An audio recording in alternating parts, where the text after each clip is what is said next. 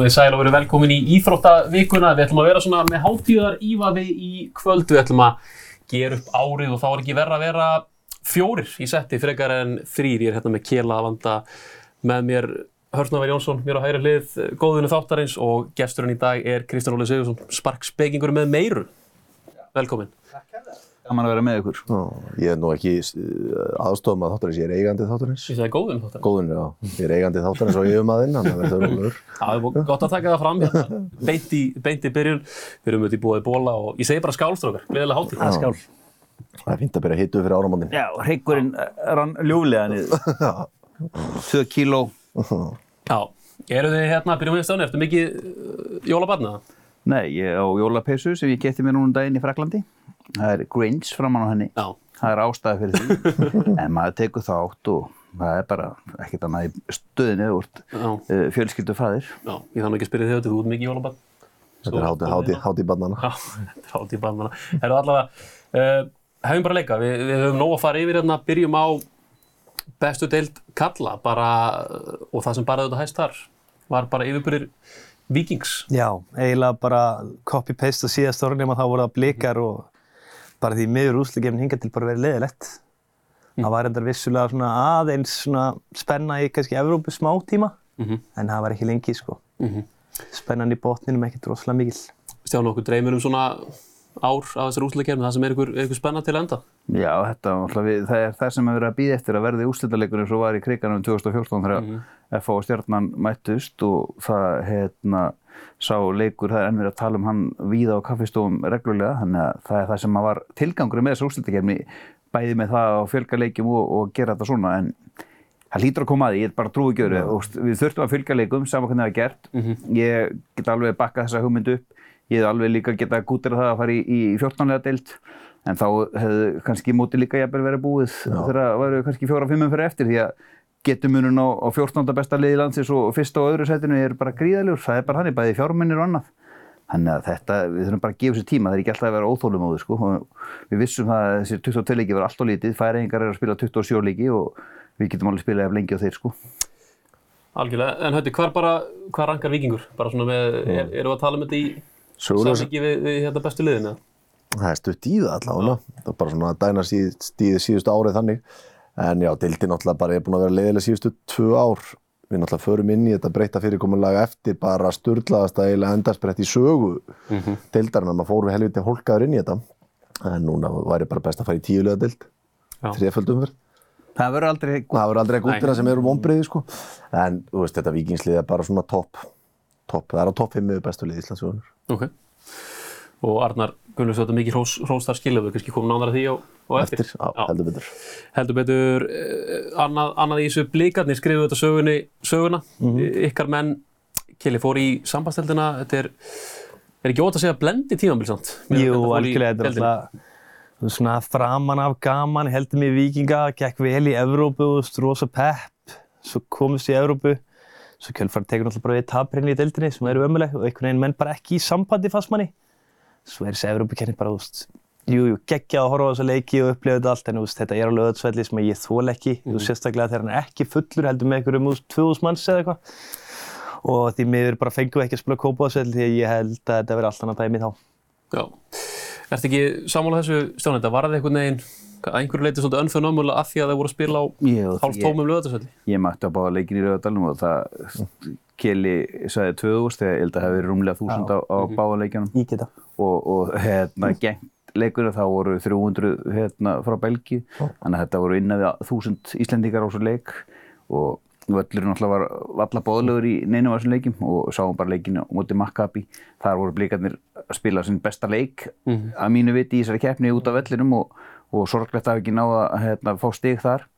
Já, þetta er bara í reynslubankan, þetta hefur aldrei gerst áður en, en kannski það var spennufall við að komast í þetta og deildin fór eins og hún fór, hún var bara búin og svo þetta voru byggarnir líka í byrjun júli Grátlegan undanúrslitum. Já, bara veist, í vítarsmyndi keppnið sem að ég var brjálar á leiðinni mitt norður og hefði viljað að það var ennþá þá hefði ég heldur betur látið að heyra það út á flugvelli því að suma hverja vítaspinnan voru, voru, voru til háboruna skammar.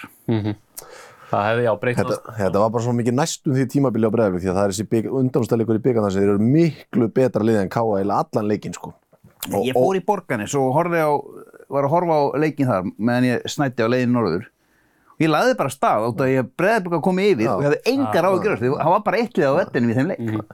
og svo var þetta moment í heimaleiknum á móti Víkingi hann eitthvað í 7. og 8. umferðar sem þeir jafna leikinn og Óskar mætir í þetta skemmtilega viðtal og segir að séu að koma. Maður held svona þá mundu þeir mæta og kýla á þetta en náðu einhvern veginn ekki að nýta það moment nógu vel til að koma sér inn í deildin og það er svona eiginlega mestu vonbrinni finnst mér í sumar að þau úslit hafi ekki náðu að telja svolítið fyrir þá til að koma sér kraftinn í topprótuna En svo gerist náttúrulega svolítið bara sama fyrir Breiðablík og Víking, þú veist, hitti fyrir versus ár. Þau missa bestu leikmenninu sína, annarkvort í meðsli eða, þú veist, út í aðrum sko. Og það er vegur bara svo ógeðslega þungt þegar liðin er ekki með stærri hópa þetta á Íslandi og það er kannski bara, þú veist, fjórir svona topp, topp gæðaleikmenn. Já, sem Stefán Ingi fannst mér vera, sko. Og Patrik einnig. já, ég hérna hjá eftir og talar um viðtalið við, hérna, Jasson var líka bara hálfum Non-factor. hálfu maður, já. já. talar um viðtalið við, við Óskar, við erum auðvitað hverja hennar rík núna. Já. Arnar Óskar, er það ekki svona bara eitt af það sem við erum sjá mest eftir? Jú, ég er bara svona maður er að vonast eftir því að það verði nýrígur ef Arnar Gunnlaugsson heldur sér áfram það verði Arnar á móti Arnari Já. Arnar Gretarsson er svona farin að hóta því að taka við Óskari þegar það verið svolítið heitt þar á milli og maður nú bara síðast í bósbyggarnum um daginn sem þeir voru fannir að kýtast þannig að ég væri til í að Arnar Gunnlaugsson er þetta áfram og fengi svona titilbarat á milli þessara tökja. Já.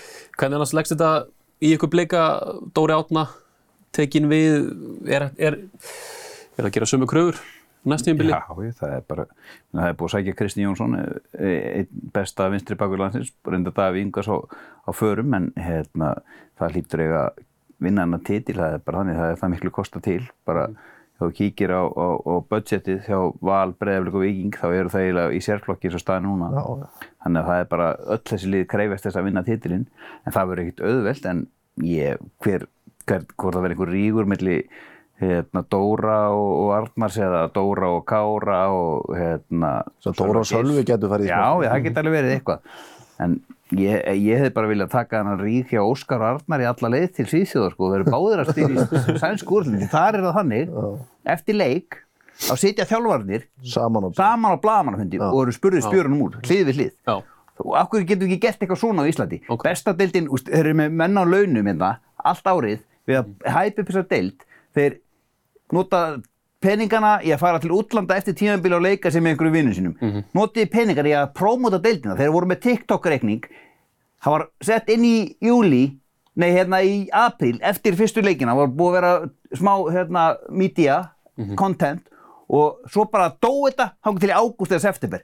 Dæmið á Kópásvelli þegar hérna, Halldór dettur og hérna, allir eru nekk í nekk og háls í, eða haus í haus. Notið svona moment til að gera eitthvað, eitthvað hæp í kringu deildina í staðin fyrir að vera bara að hugsa um raskati á sjálfum ykkur. Ég man þetta var þannig fyrir í hérna, sem sagt, fórkeppni hvort það var mestaraldarinnar Víkingur Malmö í fyrra. Það voru Mílos og Arnar saman á blagamannhundi. Já. Þegar Mílos eftirminnilega pakkaði mér saman þetta. en, hann var, hann var eins og... Já, ég veist, við getum alveg gert helling til að bæta eins og þetta, fá blöð- þjálfara saman á fundi eða dó, að dómarnir drullist til að mæti í viðtölu í fleiri en 2-3 leiki, sko. Búa til eitthvað sem að er appealing til að fá deildina. Þetta er búið að vera svolítið eins í að ansi mörg ár. Algjörlega. Herru, förum í eigamenn, þetta, þú ert fyrir góðs eigamæður. Já, eftir hvað segja maður. Það má, má greið það. Síðast landkrabbi, ekki stjórn einhver eigin Hérna, Þú veist, þetta, uh, rosalega þungt yfir í sumar. Já, einhvern veginn verður bara þingar og þingar eftir þessum frá tímabilið niður því ég hitti nú bara góðan mann á dögun sem segði um það að IPF hefði líklega verið með fjórða dýrasta lið í dildinni þetta sumarið. Geti vel trúið því.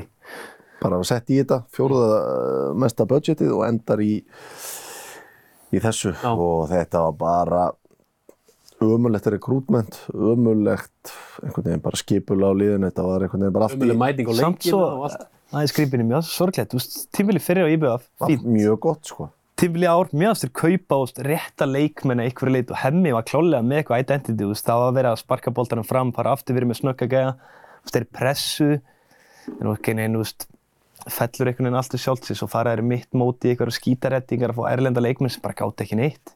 Að mækumennir komu seint og mjög aftur heldur ekki henda deildinni eða nógu góðir, sko. Og mér finnst þetta bara einhvern veginn lélegt að IBF að klúra þessu niður því þeir voru svo góð stæði, menn að Palli Magga var hann ekki dansandi um í janúar, februar og segir er í top 5 eða? Hann reyndar svona að ekki alveg taka til marka á honum en þú veist, fílingur var hann er, unni bygga undirbúst Já, þeir voru bara, fleira sko. tóku, Já, besti leikmaður lengju byggja sem Filip vinnum inn Já. Já, já. og svo gerðist eitthvað bara fyrir mót þannig að hann kom ekki í sög Já, svo fótbortna hann. Já, Þannig að það er líka búst, fyrir svona lið að missa besta mannin sinn, það er kannski meira en að segja og þeir voru að pakka liðum saman á undirbúrstíðanbílinu en það er bara þannig að þú, ég þekkja bara sjálfur að hafa verið í liði sem að tappa allar leiki undirbúrstíðanbílu svo kemur fyrsti leikur í móti og byrja að drulli upp á bak svo. Já. þannig að það er að því ég er mikil vinnur vestmanni og það er sorglægt að sé að konu niður en það er bara þannig að þeir þurfa bara hérna, taka, taka aðeins hérna, á því í sögum ára og komast beint aftur upp því að íþróttabærin Vestmanni er, úst, þeir eru íslamistar í handbólta sko, og handbólta er bara að taka yfir, þetta er bara eins og það er oft velgengni þá hérna, hafa allir áhuga á þér ef, ef það gengur illa, hann er nýgir að mæta á völlinu og voru einhverju örfáar hæður á öllu leikjum undir sem því miður. hefur ekki verið neist stemning þannig í kringum fótboltan í Vestmannum bara frá því upp á þannig 2001 og einhvern tíma nokkur, nokkur ár eftir það síðan þá var þetta verið helviti flatt sko. En helst þetta í hendur, velgengni í handbóltanum og þá einhvern veginn bara gleyma mér fótboltanum eða? Nei, helst ekki í hendur en það er erfitt þegar það gengur illa á hinnumstæðanum að handbóltatímum nýju mánuður og kannski fólk bara orðið svona, þú veist, það tekur sér frí frá íþróttum. Það var leikur í, í mannabæri sumar, vor þegar handbóltan var klárast, þá var, var leikur í, í Kjátt úrslitaeinvíðinu. tölur rúmlega þúsund manns Já. í höllinni sko. Já, já, svo bara einhver hræður á 250 manns á En fótboltavitin. svo er náttúrulega spilar þetta margt saman, þú veist, velgengni í handbóltanum, allir topp talentur í eigum. Ég held að þeir fari í handbólta, við með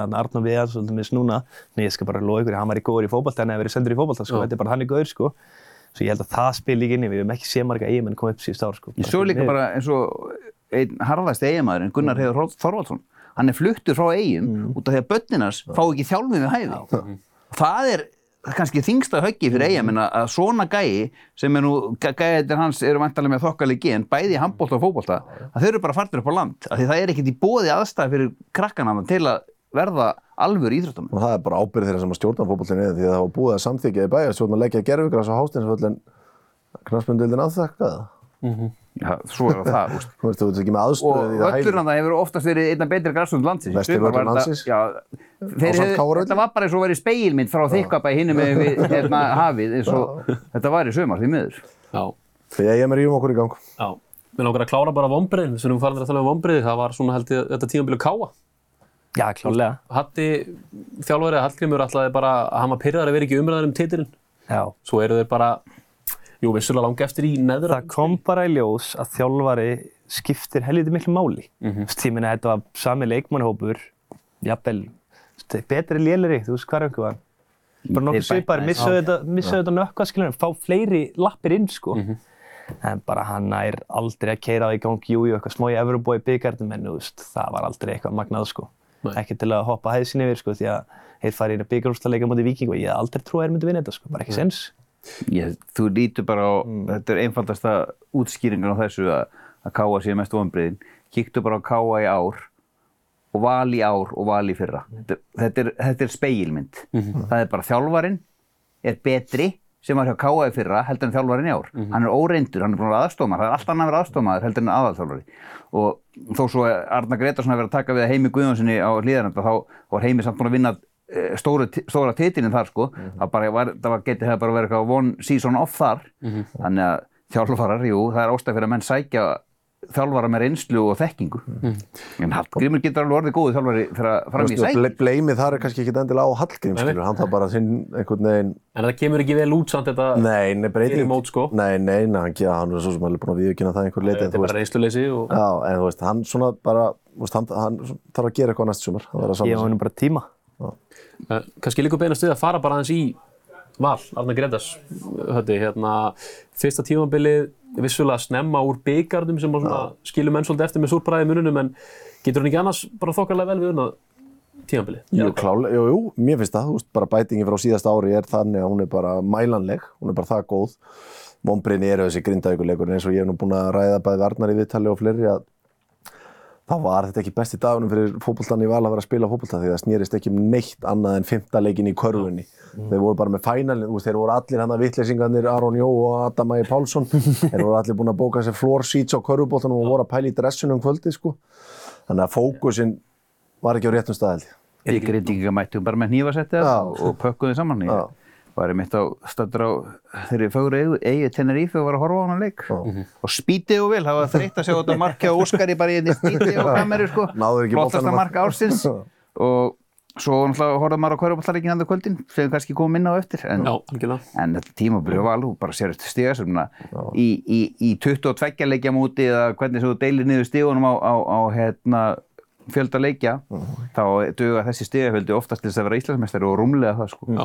Þannig að þetta var bara fín, hérna, fín, fín innkoma í hónu þarna en það er næsta skref, það er bara krafa Já. að Valur Hann hefur engar afsakanir. Þeir voru í rauninni aldrei í baráttu um Nei, samt. það er að sröggla. Þeir unnu vikinga að í vikinni, fyrst í tapleiku vikingana og svo kemur þessi setni leikur í, í umferð 2 á hlýðarenda Það sem þeir gera þar sem að þeir hefði getað gert smá svona eitthvað mót úr þessu Mhm. Lógi Tómasson er þá að fara held ég eh, sé búið að samþykja eða er að fara Já. og hefur verið unnið þann leik nei það mæta bara vikingarnir og taka þá og pakka þeim saman Mhm.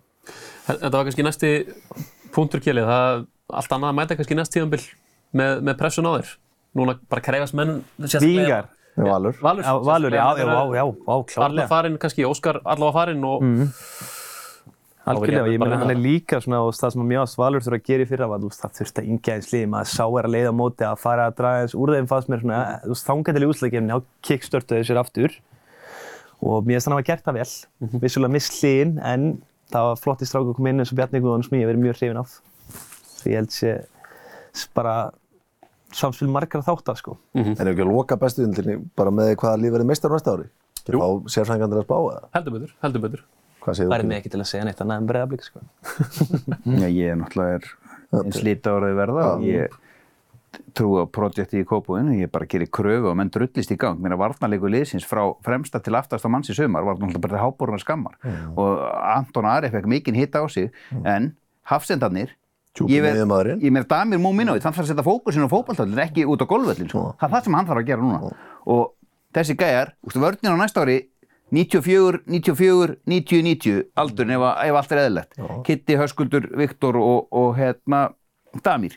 Þannig að þeir þurfa, úst, þeir þurfa bara að sína það fyrir mér að þeir, þetta hafi ekki verið tilvílun þeir eru meistarar með yfirburum að það í fyrra. Og ég er að setja blóð og tennu þar á serbanum Hvað með Jöli Ból? Ég set titilin og líður þetta. Nei, Jökull þarf alveg svona fjóra gæða til að kontenta þetta og strákættis mér og þarna fyrir, veist, þú getur ekki á- Frosti og fleiri þurfa að stígu upp, skilur hún næsta þarft- þú level. þarft, þarft að setja, ef að ekkert verður ekki, sem að ég sé að 99% líkur hann verður ekki aðna, þá er þetta lið ekki Íslandsmeistrar content, en svo getur, þú veist, það er ekkert búið að loka glugg, gluggandi verða gála Ég var nú að ræða veit stjórnumann sem leiður sér að dreifum það að bæði Óli Valur og uh, hann Alex. Alex komi heim. Og þú komið tvo alvöru prófíla og þarf ekki nefn að hitta á einn í helið sóknarlínu við ekkert þá þú bara það er bara, það er, Komið lið sem það er getur bara íslenski bóttni, sko, Já. þetta er ekki premjað lík, sko. Herru, fyrstu velun, kvöldsins, við ætlum að fara, fara beint í það og ég veit að bara í fyrstu velunum þá er smá óeining innan hópsins. það er svoleiðis Já, við vorum allavega ekki allir sammála, ok, gott um vel augnablik ásins. Já. Við ákvaðum að fara í þegar Gilvi Sig bætir markamöndi.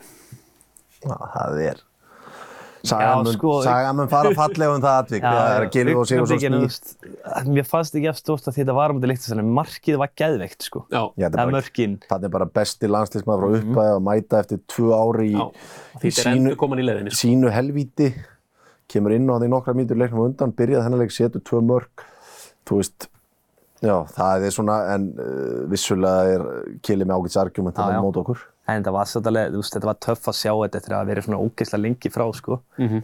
Maður alveg svona að koma smá kökkur í hálsinn, sko. En, en fínast að sjá loka mínútonir í Valur Tindastóll. Já. Það var, Það var Á drama. Ég og Hötti vorum alltaf hana á leiknum og þetta var alveg, já, vorum á floor seats ef við sáttum þetta svolítið aftalega að baka þar að köruna en þú veist, alltaf læg Jói má redda okkur þessu og þarna það var styrlað og þú veist, það er alveg, þú veist, fara punktinn, setja öll þrjú vítin svo einhvern veginn keirir Kári upp með boltan hefði alveg klálega verið eftir að dæma á tindastól har og Kári hefði getað að fara á punktinn hinum einn, já, sko. það er breytt. Ég líti að vera með atkvæði í þessu, eða já, ekki? hvað er þú? Ég er sjálfsög með þeirra að flauta til leiks, lokað hjá Breiðablík og, Já. og sæti í Sambandsdeildin. var Já. Samt, já. Þar var sungið og trallað og ég man vel eftir því kvöldi svona fram eftir allavega en, en þetta gilfa sig að maður getur samglast heldur betur með honum að hann sé komin aftur en, En það er búið að smá bakslag eftir þetta, samt vel þreytt, en vonandi verður hann klár í mars. Svo kannski eitt augnablikurnum ásins það er þegar Stjáni söng History Making í þungavittinni sko. það var svona allavega eitt skemmtilegast á ég hef hlust Það var one take. það var vonteik Já, honum já. Heldur betur með já, ætla að senda guld á kjela samt Körfuna? nei, það segir að Jói Már hafi reddað okkur með honum Nei, auðvitað, það var okkar maður. Já, Já, þurfum ég ekki að vera er ég er ekki nýra, um það er topp maður. ég er ekki vissum að reikningunni verði borgað næst það var bara þannig Heldur betur um eftir að veita fleiri velunni sjálfsögðin. Förum í HM í handbólta sem var í janúar. Það er nú kannski margir búin að gleyma því að einhverju leiti til, sérstaklega því þetta er árlega. Þannig að það kemur alltaf nýtt mót og þetta einhvern veginn festist aldrei almennilega í minni en fyrir það sem ekki munna var Ísland þar í riðli með Portugal, Ungverjaland og Söður Kóru. Uh, dutt út í milliriðli, það var aðrætt að tapa mútið svíjum sem að klúra þessu fyrir okkur byrjum. Það var svo tapið á mútið Úgarlandi. Já, Það er klálega. Annars er ég sjálfur bara búin að finna þessu. smá Já, bara líka- við gerðum bara í degi með að við Já. veitingar. Já, já, heldur betur. Og meina, ég var í staður í kórnum þegar hérna, síðaleikurinn var og það var Þorrablók Kópóks og þessi leiku var upp á risaskjám út um kórin, það voru 2000 manns í sætum að horfa, það var, það var engin skemmti að með það var bara Leikurinn. leikurinn í gangi. Og menn ætla sér mikið en þú voru að vera með einhver innistæði því að þetta var gríðarlega vonbrið en vonandi núna í janúar þá drullustum við í gang með Snorra Steini Brúni sem ég hef mikla trú og hann spilar nútíma handknalleg sem mér líkar Ég sammála því. Ég held að fleiri leikmenni á okkur líka sé eitthvað enn að performa á háu leveli heldur en áður, sko. Já, bara Gummi er búinn að vera svona þrjóskur með þetta í mörg að spila bara á þetta, þetta gamla kerfi að keira menn gjössanlega út sko. Ámönum. og eins og sést kannski best við sjáum okkar bestu menn, þeir eru enginn að maður spila meira en hálftíma 35 mínútur í leik Mhm. svo er menn að mæta að spila þriðu hvernig degi í 60 mínútur bara brennur all út á í bara í og sko. sérstaklega alltaf tekið Aron Pálmarsson bara að hakka hann í millirreilunum. Sko. Ég held að Snorri Steinn að vera alltaf næða búin að með honum, sko. En þessar væntingar sem voru gerðar, Kelly, hérna, þú sem okkar fremst í handbólta sefræðingur, voru, áttu þær rétt á sér það? Var það ekki pallur? Voru ekki Við ætluðum Arnar, á pall. Arnar Dæði, jú, það, það er alltaf ekki alveg rétt á sér, en topp 5-6 alveg rétt á sér. Ég meina, Já. við erum með tvo leikmenn í besta lið heimi. Champions League mistrunum Mætuburg, sko. Við erum með leikmenn í Kolstad, við erum með veist, leikmenn eins og Bjarka Másmir í Vesprem og fleira, sko. Viktor Gísli okkar alvöru nefnilegast markmaður í heiminum. markmann, Já. Svo já, já, þú veist, alveg eitthvað smá, sko. Ég set alveg kröfu á topp 5-6 í ár, sko. Já, sérst í janúar. Já. Já. Snorri Steinn Marinn auðvitað hjá okkur í, Hvað þurfum við að gera til að ná olimpíusæti? hann Við talaði um vitum það ekki alveg, það ræðs svolítið á því hvort að Já, liðin kemur sem óvart, eru við komin vitum á- ekki þetta. Það er þess að ég þól ekki við þessa íþrótt. Það fer Þú veist aldrei neitt. Það Ég elska að horfa á þetta landslið spila, en svo, herru, já, svo, hérna, við Íslands, hvernig hann bara landslið? Við hefum bó, bóðsmið á, hérna, hvað er bara svo ég sé að fara í laugarásbíó í, hérna, einhverja páasýningu. Það er þú fær bóðsmið á höfðingi. Það var svo- maður þegar- djók er þetta? Hvað var það ekki þegar við fórum að HM í Katar þegar við bara Já. hend nokkur út til að koma svona Já, já. þjóðum inn sem eru með eitthvað áhorfa á Já, þetta sko. Þýskaland til dæmis. Já. Já. Við og Þískaland komast ekki inn hana þá bara hendur við einhverjum minni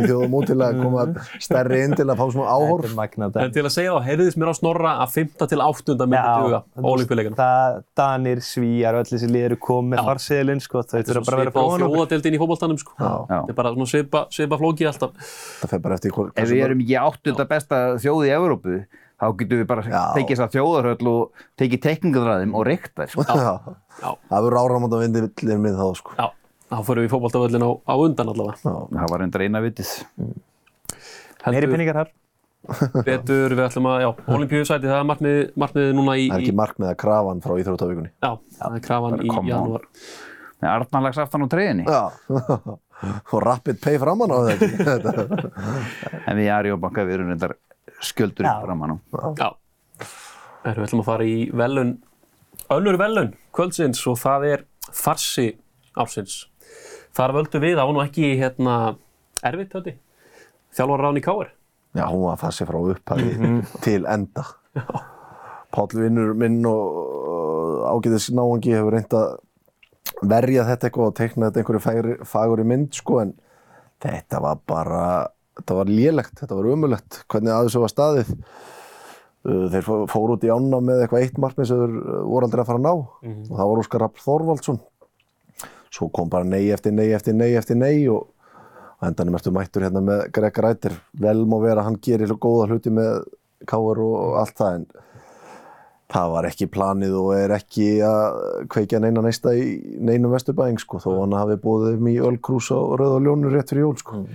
Stjáni, hann var, Palli var ekki að gabba neitt á blagamannafundinum þegar hann sagði að Greg Rætir hafi verið fyrsti maður til að fá tilbúð. hann alltaf bara laug upp í óbyggið á káirinu og ég, ég bara elska þetta en hérna, Páll er hérna, formað káir og búin að vera það núna tók við að, að kitta kennisteð og það er nú ekkit auðvöldi skóri að fara. Og þetta er búið að vera sorgarsaga síðan hann tók við og sagan segir að sé farin að borga mönnum út í bæð fyrir að tala vel um Greg Rættur og það, er, það veit ekki gott. Og ég held að káirlið eins og staðan er núna á leikmannahópnum þá verður bara afreik af að Greg nær þeim í top 6 en, en Káur er alltaf Káur og hérna þetta er alltaf bara snýst og líka um aðstöðuna Káur er með lélegustu aðstöðu og höfuborgarsvæðinu á öllum bara líður sjáðu bara í- Víking, þeir eru með Savamýri þeir eru með tvo gerðugarsvelli í Víkinni Já. Fylkir er með tvo gerðugarsvelli Fjölnir er með eh, tvo gerðugarsvelli og, og Egilsöll og Valur er með sitt Í er með höll sko. Ír er með hálft hús og Þróttur er bara með einhverja fjóravelli Já, já. Þetta er Þetta er bara, Káur þetta er bara disrespect við að mínum að stærsta, eitt stærsta klúb á Íslandi. Ég myndi segja top 3. Stærsta klúbin er Reykjavík, sko. Algjörlega. Allavega í fótballta. Sögulega, allavega. Sögulega. En, Við valsmenn erum nú helviti stóri líka ekki? já, já, jú, jú, við, við, við, Já, bankabókinni hún kaupir átt gleði sko. Nei, þetta er bara farsin er raunin sá að reka Rúna Kristinsson og vera ekki með plani klárt þegar þú rekur Rúna Kristinsson þá áttu bara vera, þá að vera klár maðurinn þú bara hendur honum ekkert út og enda með Greg Ræti það er bara að galið. Þetta er dáðast í svonum félagsins já, og og, lítur. Og ekki það og he, úst, var ekki bara árangur með Káir í sumar miða við Pund fyrir pund já, Já, ég meina, úst, og, og, og, og hérna við vorum að ekki það besta en það gerði ágætlega með það sem hann hafði voru að vinna sko. líka með, úst, við erum að sjá Gæja 2005 hann tvo í algjöru líkilhutverki þannig að úst, og Rúnar er ekki þekktu fyrir að spila á mjög ungum mönnum. Þannig að, tekur inn Benón í breka sem getur skilað fullt af peningum. Já, já, það er bara þannig og Jóhannes Kristín getur alveg rættur um aða líka þannig að þetta er bara þannig að ég hefði alltaf frekar ef, ef að Páll fengi að velja núna Rúna þjálfari K.R. 1. janúar 2024 Greg Rættir eða Rúnar Kristinsson alltaf Rúna Kristinsson Já. alltaf, hann veit það sjálfur Já. En hann myndi aldrei segja ykkur það eins og það. Nei, nei, nei. Um, við, hér, í- við sjáum ekki ennur leikþættina hérna, sko. Já, Já, hann þarf að vera góður Já, þetta lúkar eins og hann hafi trúað í eftir viðtalið við Óskar Hrafn á móti KR. Hann væri að fara að landa honum, sko. Ég veit ekki hvort hann hittar einhvers stórt á götu og spjalla við hann eða eitthvað, sko. En þess að maður heyrði frá öllum sem maður þekkir í Vesturbænum sem eru involverar í fótboltan. Óskar væri bara tekin við á þann tímili, svo heyrði maður í mönnum sem þekkir til Óskars, það var bara bullshit, sko. hann var aldrei að fara að taka Hann var aldrei að fara að taka við þeim, sko. Nei. Það var alltaf haugans nummer eitt, þú veist. KR var kannski í einhverju backup nummer þrjú eða fjúr, sko. heldur betur, herðu, höldum, höldum að að kvennalandsliði, mm. íslenska kvennalandsliði í knattspyrnu, það er að segja, byrjum bara á því kannski jákvæðakili, það er að við förum inn í þetta A, þessa A undankefni, er ekki rétt skilja á mér, í gegnum þjóðadeildina. Jú. Já, það það er kannski bara svona það mikilvægast í þessu öll svona. algjörlega bara endið þetta ágætlega, þú veist. Þetta var ekki gott framan á ári, bara alls ekki, bara mörg vond úrslit og ofan að það var bara framistæðan að verið að. Steini virðist að fundi eitthvað blöndu í þessu glugga, mér fannst það sko. Og þarna, og þetta er bara fylgi eftir, það er að svendi sinni. Já, heldur betur. Það er að hann er bleini var, var frá mei, svona setni hluta, setni hluta árs allavega. Uh, að ég veit, þú hefur nú verið nokkuð gagirinn á spilamennsku kvennalandsliðsins. Þetta er búið að vera bara frá eiginlega Evrópumótinu þegar Steini fær hennar nýja langa samlinga og þetta er bara verið niðráðið. Þetta er bara leiðilegt, lélegt og allt það eina góða við þetta hefur verið viðtölum við Steina. Já. Sama hvort hann sé að tala um kynlífið sitt eða uh, skjótandi á ráðamenn þá hafa þetta verið skemmtileg viðtöl. Hann, hann endar þetta ágætlega og kaupir sér smá tíma en þú veist við verðum að fara að sjá eitthvað pínlítið betra og meira plan í kringum þetta lið. Sko. Já, líka bara, núna er þetta þannig að við erum með Glódísi sem á að vera einna besti hafsendum heimi. Karolína er, er, er mjög Góð í best, góð- bestu deildinni. Já, í bestu deildinni. Svo erum við alltaf með Sveindísi sem á að vera svindlkona, fram á við með hraða sínum og krafti. Og svo náttúrulega í þessum leikamóti dönunum þar sem við vinnum að þessi nýji markmaður, Fanny. Og hún kom hrikalega sterkað inn og varði bara einhver skot sem að ég hef ekki séð hérna, marga konur myndu verja. Þannig að hún hlýtur að vera bara hérna, markmann nummer eitt klárlega. klósið bara Cecilia bara hefur ekki náða að haldast heil í Nei, hún er alltaf verið og svo telmaður staðið sér vel í breyðarbygg og ágætlega í landsliðinu en það er bara þannig eins og í kallalandsliðinu, það er bara að vera samgefnum alla stöður. Og hún, eins og staðið núna, það er alltaf verið fásina hjá Steina að fara að henda henni út úr liðinu eftir þennan leik. Það var ekki talað um ann- annað í heila viku. Nei. Uh, en, en allavega eins og þetta, þetta endar á jákvæðan hátt allavega. Þetta er eitthvað til að byggja á og Steinir allavega, hann getur, hann þarf ekki að fara óttast um starfsett eða eitthvað svoleiðis í, í Nei, nei, og svo, Nei, hann er heppið með það að stjórn KSI er með allt önnu vinnubröka gort hvernarnarsliðinu en kallarnarsliðinu sko. svo sjáum við líka, starfi, sko. sjáum við líka núna, það eru fleiri og fleiri leikmenn að flykkjast út, sko. Já, Sætís í bakverðinu sem ég er mjög sko leikmaður og Hafrún og fleiri, sko, það er á leiðin út. Þetta er uppleið, það er einu sem við viljum algjörlega. Er það ekki í uppbyggingafasa? Spurning hversu lengi hann er. Herru, við ætlum að fara næst í bara Gilva Þór Sigursson. Þetta var svolítið, má segja, hans ár, er þetta að segja. Kem, kemur, kemur tilbaka, snýr aftur í landsliði, snýr aftur bara í boltan með Lingby, öll þessi viðbröð þar. Byrjum bara á, á þér, þetta sástu þetta svona, sástu þetta að gerast? Nei, náttúrulega starf ekki í réttakerfinu í Breitlandi þannig ég sá þetta, en hann á helviti góða svona tvo mánuða þar sem hann kemur sér í gang með Lingby og, og þessi landsleikar þetta eru vonbriðin þau að hann sé eh, pínlítið mittur núna. Já, já. uh, en kannski viðbúið þegar að 34 ára gamall knaspindum að fyrir aftur á völlin eftir rúm tvö ár. Uh, kannski var þetta svona full hrattfærið að stað fannst manni þegar maður horfir á tilbaka, ég meina hvað ef það með Lingby í þrjár vikur á hann að byrja að spila. Já, og búin að mæta, byrja að meðast á æfingu og val eftir tværa æfingar. Já, já, já, já meittist á fyrstu einhver reyndi aðra einhver þú veist að hætta sko. Þannig að ég er svona eftir á higgja og þetta hvernig hann kemur í landsleik að byrja landsleik húst, hann hafði ekki byrjað fótbollaleik þá held ég held að var hann búinn að byrja með ling með að byrja í landsleikinu held ekki, Nei. þannig að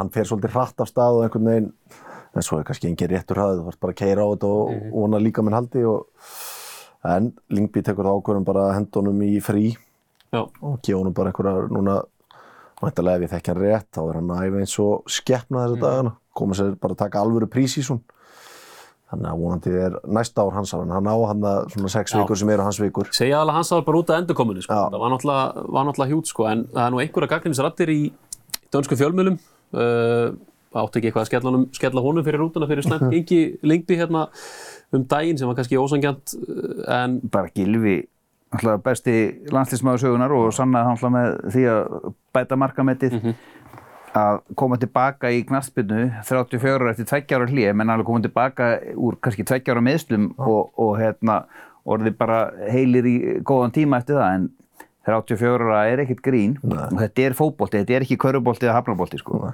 Þannig að það er hérna, þú þarfst að hafa fyrir því að koma tilbaka en ég hef fulla trúið eins og Hörður segir að hann er að fara í bara undirbúrstímbil núna. Já. þeir deildi byrjar í februar þannig að það er sex þá vikur bara. Já, sex vikur og svo líka hérna, frá því að deildi byrjar þá er, er rúmlega mánuður í, í, í leikin hérna, við uh, strákana frá Ísrael. Þannig að ég er bara, hann verður held ég klár þar til að byrja. Saman hvort hann spili 90-60 mínútur þá verður við að hafa hann inn á vellinum til að eiga mörg við sáum bara þó móti að hafa verið á móti líktist Já, nei, hann er með gæja eins og hákon og svona Já. inn á með sér, gæja sem að sjáum að hlaupa fyrir hann, hann þarf ekki að vera að hlaupa eitthvað 13-14 km leiknum, hann er bara þjálfar inn á vellinum. Og við þurfum þannig gæja ef við ætlum að eiga möguleika að fara til Þýskarlands næsta sá það bara á móti líktist og þetta hafi verið líktist og alltaf. Þannig bara gæðin þú veist, ég horfði á alla Lingby-leikinas bara fyrirgjafir, krossar og allt þetta. Fyrsta töts Já, bara í- þú veist, í lokuðum leikjum vonandi eins og þessir Ísrael, vonandi læsuðu bara búrin okkar þarna móti Ísrael sko. En bara eiga hann í aukarspinnum og fyrstum leikæturum með sverrin í teik kannski til að stanga þetta, það er eigum séns. heldur betur. Förum náttúrulega í kallananslið á eftir en höldum áfram að veita velun við erum að fara í leikþátt ársins núna og það er kannski líka, var ekkit sérlega erfitt en við erum með Óskar Hrafn og Rútuna Já, mjög skemmtilegt. mjög skemmt, Það var ekki leikþáttur. það- góður leikþáttur Og að hann já. hann og hann góð hann var Ég hægt myndi eiginlega frekar hafa leikþáttinu Dóra hann lítið þetta sko, ég voru skammið sín mikið fyrir það sko, Já, það var í dag. leikþáttur. Það var meiri leikþáttur en þú veist, þetta Óskar-dæmi mjög, það var cool. Dóra var enda hreint og Óskar hérna, Ég, ég mun nú aldrei kalla óðbeldi leikþátt. Nei, ég hef í að hérna, já, eitthvað hafa þær haft til síns mál því að vikingandir eru búin að vera að taka klefan og, og, og gjör bildónu núna og það, Hvernig, hvernig flísinn að koma út heima? Hún er, ég á eftir að sækja hann og ég mun- sækja hann núna bara næst, allar næstu dögum. En ég, hérna, þetta var bara gaman og þessi leiku var skemmtilegur. Ég, fyrir mig persónulega var þetta mjög gaman að að mæta þarna og horfa svona sinn spila á múti liðið sem var að vera Íslandsmeistari og veita þeim keppni. Og já, mm. en fyrir það, þessar gæjar sem kom inn það hefði kannski verið betra að vera í klefun, ég veit ekki, ég er ekkert sem það hefði verið betra sko. þetta var bara Nei, bara svona hvernig þetta var sett, það var búin að mikill hitt í aðdraganda leiksins þess að svona, svona tveimdugum fyrir leik við það að blikar allu ekki að mæta. Svo kemur þetta og maður heyrir þetta leikti að þetta sé planið. Þetta var alveg góður leikþáttur, bara góður leikþáttur. Þess vegna er þetta leikþáttur á sig. Við vorum að mæta hann á rútunum með töfluna. Þetta var geggja svo þetta er það sem við höfum nú í Íslinga bólta því að ég meina við getum bara sagt að 90% af mest lesnu fréttum Íslinga fótbolta það tengdust rafninu sko. Algjörlega, ég meina eftir að higgja svona karakter sko. Það var leikur í kjölfarið þar sem við blikar gáttu tryggt sér í samband, nei, reyðleikæri samstöðurinnar. Ég held að þetta hefði þjapa óbyrð saman. Það voru margir spurningamarki við það þá hvort þetta væri eitthvað að fara vera veist, erfitt fyrir leikmannhópin eða hvernig myndi bregðast við. Þetta var bara, heyr, mættu bara grjótarðir bara fyrstu myndu og bara skora auðvitað strax, sko. Mhm. Ég var á bleiknum. Förum í, uh, í kjölfara á, á gilvæðumræðan áðan, förum í kallalandsli í, í fótbolta og byrjum kannski bara tökum þetta í einhvers konar tímaröð. Arna Þó Viðarsson er látin fara eftir erfið, erfiðan fyrsta glugga í mars. Inn kemur Óge Hæræti, eftir að haugja, var, var eitthvað viti í þessu? Nei, minna við áttum að reka Arnar, þá áttum við að reka hann í oktober, en jú, viti í þessu, þú veist. Ég er alltaf velið skyttu þjálfara, það breytist ekkert, það er alveg hárið rétt, en veist, það er klárt máli að þetta er betri þjálfari, sko. Og ef við ætlum að taka liði áfram, þá held ég að við erum að halda áfram með hann. Ég sé engan betri kost. Þetta er, er Óge Hæræti betri þjálfur en Þó Viðarsson? Já, gögnin segja okkur það að hann sé að sækja meðaltali færri stíð í leik. Já. þannig að það er eitt neynir hann er reyndari. Hann er reyndar og betri. Þú veist, allt það sem ég hef sagt um þetta er bara tímasetningin á brottrekstinum er fáránleg. 7-0 sigur ekki? Jú, og bara Sögulegs. eftir tvo leiki undankefni það segir mér bara að knaspindusambandi er ekkit uh, með á nótunum sko. Algjörlega og samlega. rekur hann bara síðast uh, haustuð undan Og ég meina félagin í landinu, þau eru bara að borga fyrir þetta, sko. Já, Já, ég- Núna eru við bara með tvo þjálfara launum og hinn öruglega, sko, að hrætti þær að segja. Á tvöföldum launum Arnars myndi ég halda allavega, sko. mér skilst að aukalegu kostnaði þetta sé 50 miljónir krónas fyrir mm. knaspindusambandi já og þetta er Launinans Arnars eru borguð sko út yfir Evrópmóti næsta sumar því að hann var með fín, fína klásólur í sínum samningi sem gerir það kleift að kási þar að borgunum uh, fram í júli á næsta ári pluss svo þessi tíu mánuður sem að hann ræti er að dana með og það og er hann vil fá nýjan samning á þess að vera að gera nokkuð skapaðan hlut. Ég meina hvað, getur einhver gamall lorskur kall mætt bara í kási, herri ég vil fá þetta framlíking og samningu samt ég er búin að vinna eitt land og það er Liechtenstein og, og Bosnia come on, drullisti bara til að fá okkur alveg þjálfara fyrst að þetta rífa hérna gikk við Arnar, ég veit ekkert hvort það hefur rétt eða ekki. Hann var einhvers konar vegferð með þetta lið. Það, úst, sá stormi sem hann fór í gegnum það var engi þjálfari fyrir eða síðar lendi í þessu stormi hann var bara döðadendur eftir það Já, það er bara þannig, en, en málið er það, gaggrinnin var háar út af því, Arnar basically riði sér sjálfur í þetta jobb. Það var hans, það var eiginlega það sem að varðum að felli inn í end. Það var aldrei neitt sáttu við að hann hefði verið ráðinn og hann riði sér að sjálfur sem yfirmann knastbyrðumál sambandsins. Já, en ég meina það þá ekki meira undir uh, fyrrum formandi og mögulega næsta formannin sambandsins, Gunnar menn hann hann, hann, stóð að á vaktina. Hann þarf að svara fyrir þetta. En það ég held ég að sé ekki einhver svakalega eftirspurt fyrir einhver í fjallkána komið aftur í lögut. Ég bara hef, hef ekki trú á því. Og þetta dæmi sem er í gangi núna, bara það er mögulega að ráða hann aftur, skilur og takandi við svo nýr formar í kjölfari. Bara bull, Já. segir bara hann, heyrðu, það eru leikirinn í mars, deliveraði þar, þá skoðum við þetta. Alveg klálega. Ég það má líka bara setja inn, það verður framnætt, ef þú kemur okkur á EM, þá er það alltaf bara mjög basic að, því það er ekki marg, það eru tveir mánuður frá EM hérna byrjar samningun náttúrulega verður alltaf úti EM ef við förum inn á EM. Það er bara Já, það er. Alltaf að hann framlengist út. Já, já, þá er það bara hans að delivera þessu sæti og slaka þess á. Já, menn getur vel verið bara eftir, við, töf, ef við töfum 2-1 á móti Ísrael og menn setjast bara reyðu, þetta er bara besti kostun okkar í stöðinu núna. Tökum hann bara í tvö ára viðbútt. Þetta eru þá bara engi þjálfur á lausu það. Ég held að enginn á Íslandi sem er eitthvað svona pottitt betur en hann. Ef að ég væri að fara að bjóða mig fram sem formaður KSI, þá myndi ég bara segja það, ég sem gerir þetta eins og við gerum á Spáni, Já, ég kem með Arnar Gunnlaugsson, hann verður landslýstjálfur Íslands í umspilinu í mars. Kjósiði mig eða þið viljið fá 1,6 miljardinn á bankareiknum sem hann veitir held ég ekki af. En er það möguleiki þegar Arnar er líklega að taka við Nörsebing? Svo er það. En væri eitthvað Þú veist, ég held vitlaust skipt engin- um þjálfara Ég fyrir út af því, þá er held Ég ef Arna verið klár, alltaf. Já, ég, Nei. Á, jú, ég held, ég, þú veist, ég er alveg búin að tegja með stjána. það er bara, úst, ég er Þú bara, fer- go big or go home, sko. Þú ferð ekki inn í umspilin landslið og hittir leikmenn á mándaskvöldi og ert að fara að spila á 50 degi og þetta er fyrsta verkefnið, sko. Það er alveg hægt að vinna heimavinnu, sko. Ég þekki það nú manna best. Heimavinnu sjálfur.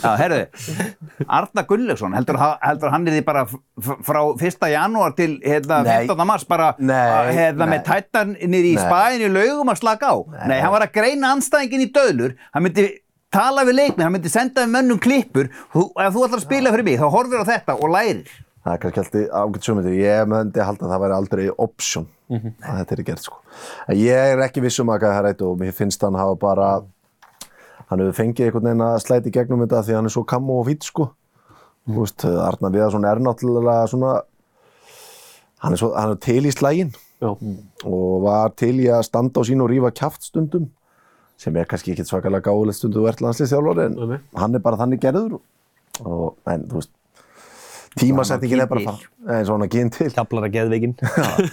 en tímasetningin var á þessu bara algjörlega eh, galinn og meina félögin í landinu eru að fara á ásting núna í februar þar sem að ég vantilega bara besti ásækningu KS í, í manna minnum mun líta dagsins ljós Þið þurfum að vera með gögn, hvað, hvað er langt síðan að það hefur verið svona mikið og, annars líkt, við sko, þurfum að að fá að vita hvað tapið er Já, ég veit það, ég segi það. Þið þurfa að fara í hérna, alvöru hérna, svona gagnæfinu, eins og ég kalla þetta, að sjá hvað, úst, hvenar var þetta svona slæmt, því að KSI náttúrulega er bara búin að vera með- taka spenana frá FIFA og Júfa og, og ekki með dæla fílingum hagnaði sko. Já, já, þannig að, já, Ég Þorvaldur Öljusons, bara sorry, er hann staðfestur eða?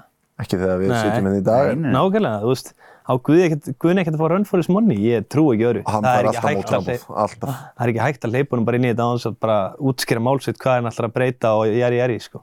En Kili, umspilið framöndan, Mm. er, þetta, er þetta ekki þannig cirka, við ætlum að vinna Ísrael, við setjum nánast kröfu á það, Já, svona, við, já, já, algjörlega, þetta er fitt hitt í leikur myndi ég segja og við eigum að stefna að vinna en leik 100%. og svo Ukraina vonaði besta. Ég menna ef það þurft að reyka Arnáð þó við hann gæti allan svo tvö jættefli á móti sér liði fyrir árið síðan sko. Akkurat. þannig að hann skellti sér til og svo til búnt. Þannig að það er búið uppfærið þarna að mati stjórnarinnar í lögadalum þannig að krafan er nú einföld. Svo þurfum við bara að treysta á það að Bosnía vinni Ukraín Já, vonast til að fá eitt gott raukt spjald í að snemma leiks. já, eitthvað, eitthvað, eitthvað þannig Það þarf fjandinn að gerast til að það gerist, sko. En, Sinchenko vinur. Er, er, er betra að mæta Bosníu í Bosníu heldur en Úkræna á hlutur sem velli? Já, Já, Úkraín er bara það svo miklu, miklu, miklu, miklu Já, betra ég horfði á Úkrænu spila í Ítalið en daginn það voru miklu, miklu betra liða vellinu, þannig að ég, Ríkala góðir, sko. ég held og það að, var í Ungarilandið ekki Já. jú, þannig að ég bara, við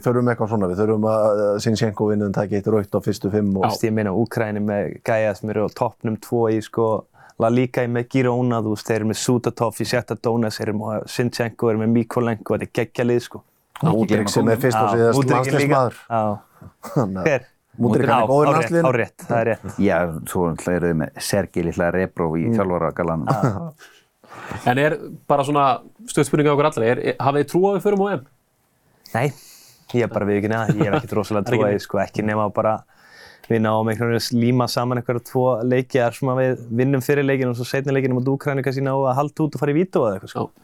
Nei, nema við horfum bara á stöðuna eins og hún er í dag. Mm. Árun Einar Gunnarsson var í aðgerð. Mhm. uh, er ekki byrjað að spila ennþá, ekki spila félagslega leik frá því apríl. Hefði þurft að vera í toppstandi og vonandi verður í toppstandi í mars, en það er spurningamerki. Gilvið og Sigursson meiðist, er búin að vera frá núna. Við séð Jóhann Berg síðustu vikur ekki spila með Börli. Uh, Hákon Arnar er á bekknum í Lill núna. Jó er búin að vera meittur núna undanfarnar vikur. Hákon Arnar ekki að spila, þú veist, hvað verður um Albert Guðmundsson?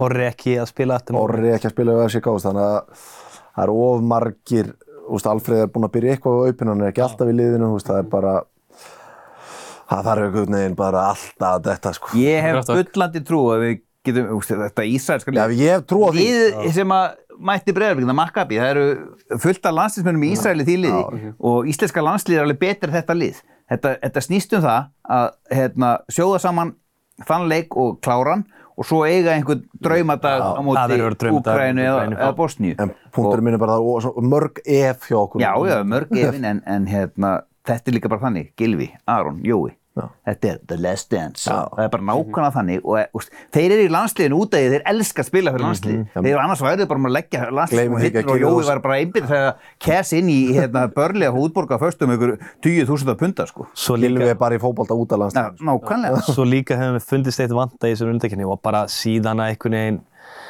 hann hætti með liðan heimir, skilur við, það vantaði þessa einingu einhvern veginn og þú veist, Jói, Alfred, þessi gær verði einhvern veginn að koma inn í hausin á þessum ungustrákum, hversu miklu mál þetta skiptir. No. Og þú veist, bara fyrir allt og alla hérna, og komast á EM, enn eitt stórmóti, við erum í skemmtilegum reyli sem við getum alveg gert hluti í, sko.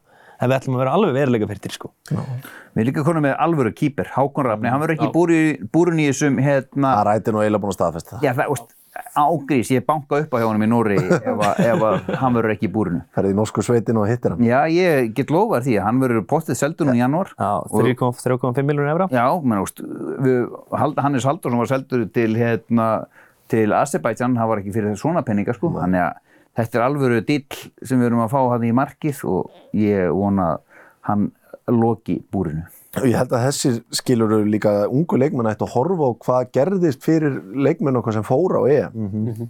Jói fekk Premier League, Sverrir fekk múf þó hann hafi bara verið á bekk, hann var í kringum þetta, fór í stóru múin sín. Þú veist, við vorum með fullt af mönnum einhvern Það er til Belgíu til Það er til Belgíu, þú veist hvað Raggi til Fúlam. Raggi til Fúlam, það voru bara fullt af leikmenn sem fengu drullu flott mú og meikuðu fullt af pening þó að KSI hafi ekki millifært inn á það, þetta er bara þannig svið að það eru klubbar sem að horfa. Líka, millifæri KSI. Já, Og stelpunna fá líka sömu bónusa. já, Og úrið þarna sem er fengu á EM. það er borgunum það sjálfur. Er fórgæð sjálfur, já, já. Herðu, förum í stöðlið að koma aftur að vörum með spori.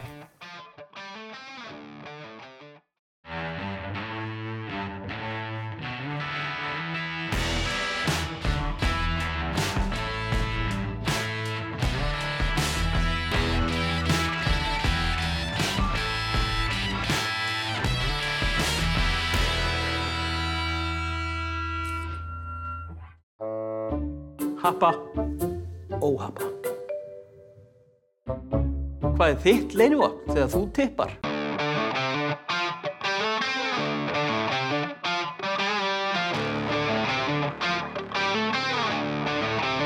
Já, verið velkomin aftur að skjánum. Við ætlum að halda áfram. Heyrðu, það er ekkert... Úf! Það var vel í þessari, sko. Á júlunum, já. Fór eitthvað inn í bjórið en helgi. Þú verður að taka því. ég tek ekki á mig.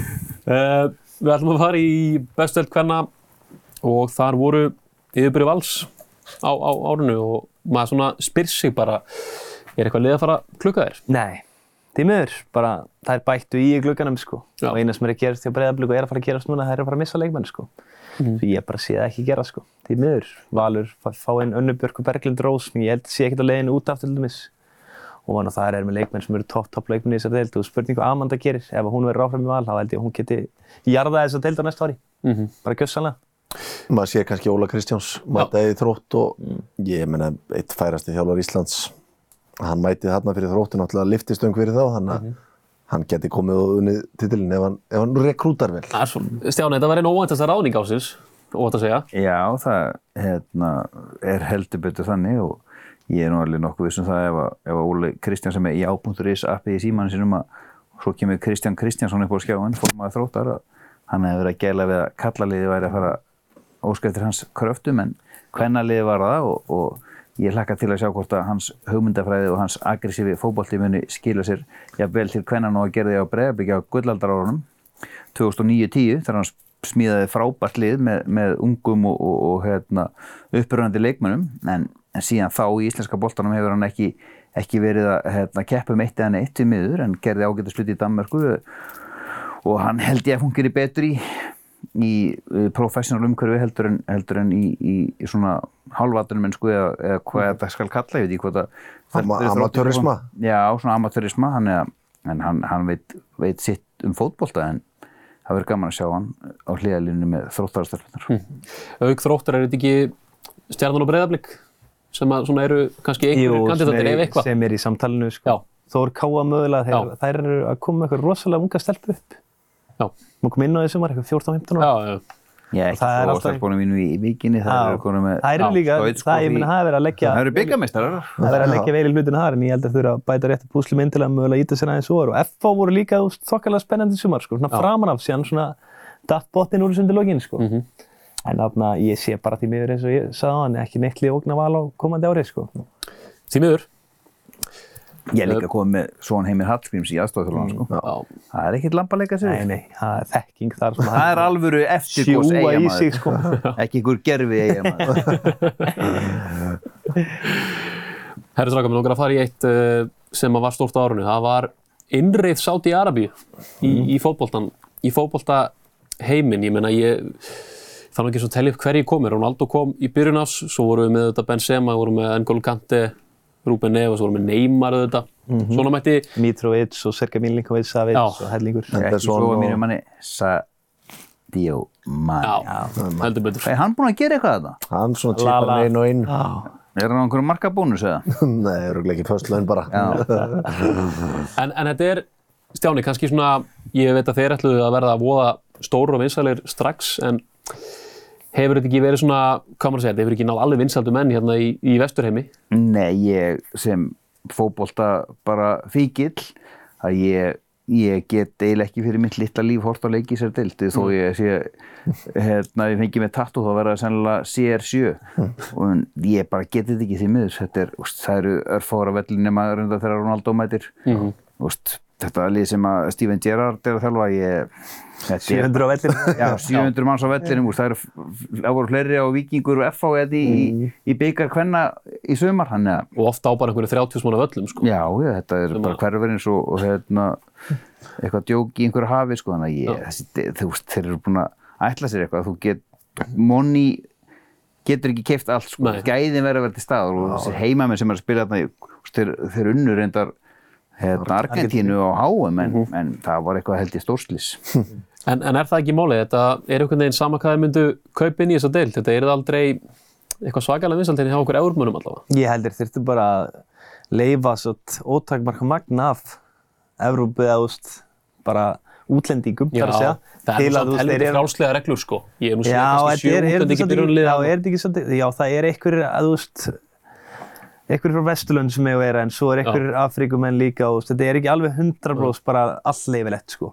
Þetta verður aldrei gott fyrir en að það En er leiktímul er samt góðir og allt það, það er ekkert að því, sko. Það er bara svo mikið sem maður er með á fórgangslist og undan þessu þannig að eh, sko, hættan er ekkert alveg, úst, þetta er náttúrulega hættulegt fyrir ennska bóltan og spænska og það, en þú veist, menn fara á taugum þegar að Mbappe 27 ára eða Holland 26 ára fyrir ánga meðan við erum að halda öllum bestu leikmónunum, þú veist, alltaf þessi 34 ára komlu kallar skottist þarna og sækir sér seðilinn, sko.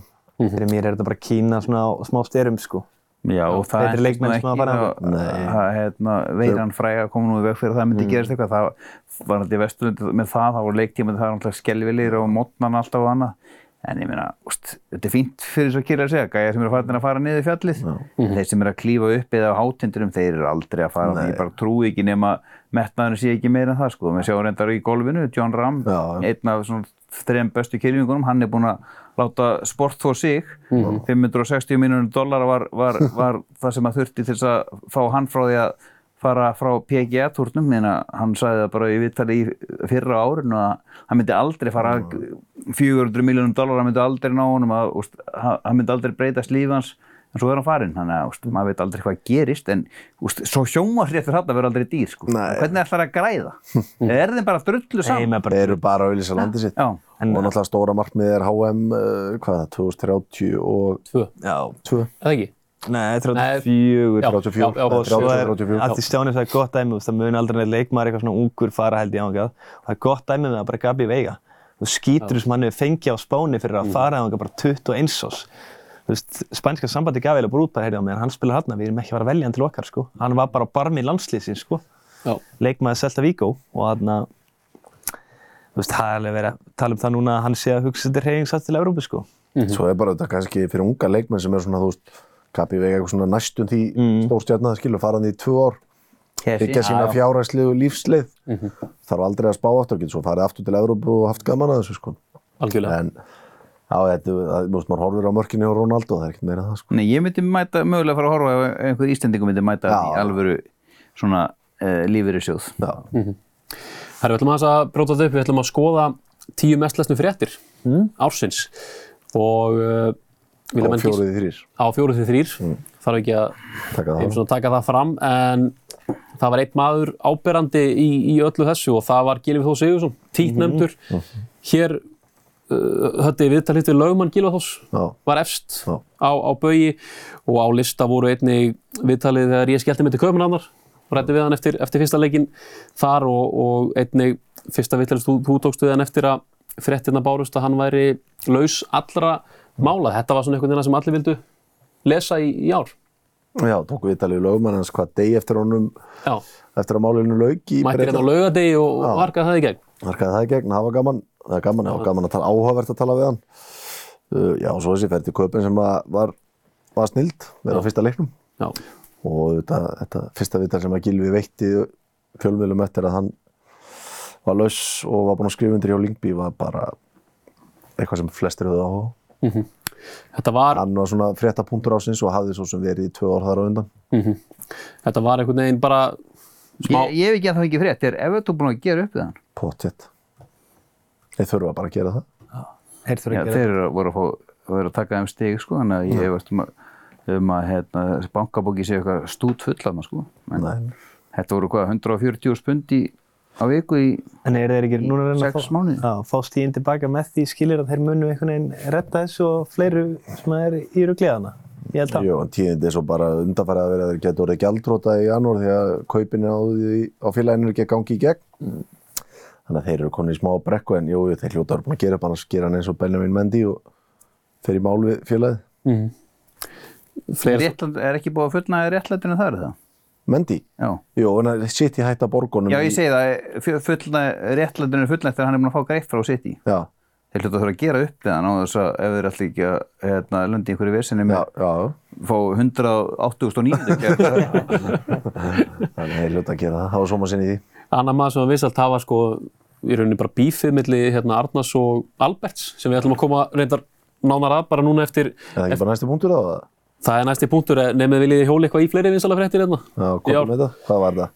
Það var til dæmis Birkir flyttur frá Íslandi sem hann baunaði á bara kerfið á, á Íslandi Birkir Már? Birkir hérna Már Það var alveg sneið sem var að senda stjórnaldum þar já, og já, ég held að, ég held að svona gæði væri búin að borga húsið sitt upp í topp. Óttalega léluguleik þátt, nei.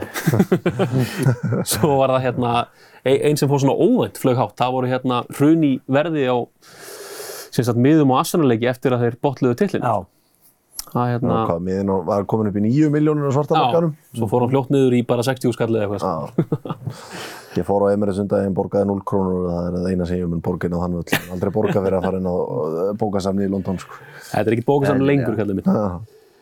En allavega, jú, eins og segir Albert Guðmundsson, förum í, förum í hans málum næst stríði við Arnar Þór sem að gaggrindi hans hugafar. Var þetta eitt af því sem var Arnar að falli? 100% hjálpa honum ekki neitt í þessari baráttu og að lenda í, í því að, að einn af dáðari svona þjóðarinnar í íþróttaheiminum, Gummi Ben, setjast við ritvöllin, hann, ég, hann kann ekki fingarsettinguna Gummi, hann hefur skrifað hana pistil á síma sinni, svo hann gerði Bókina? Bók, bókina. Skrif, fyrsta og eina bóki sem hefur verið skrifað á síma á Íslandi, Já. að það, það svo lota fjall Guðmundi og Alberti vil og það var, hérna, held ég ekki hjálpa honum eitt eða neitt honum hérna Arnar Þór og hefur pottið haft einhver áhrif á því að hann var látin fara.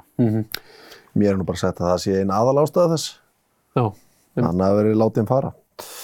Þannig að, já, þetta var ótrúlega förðulegt mál. Það er náttúrulega staðið yfir í hvað?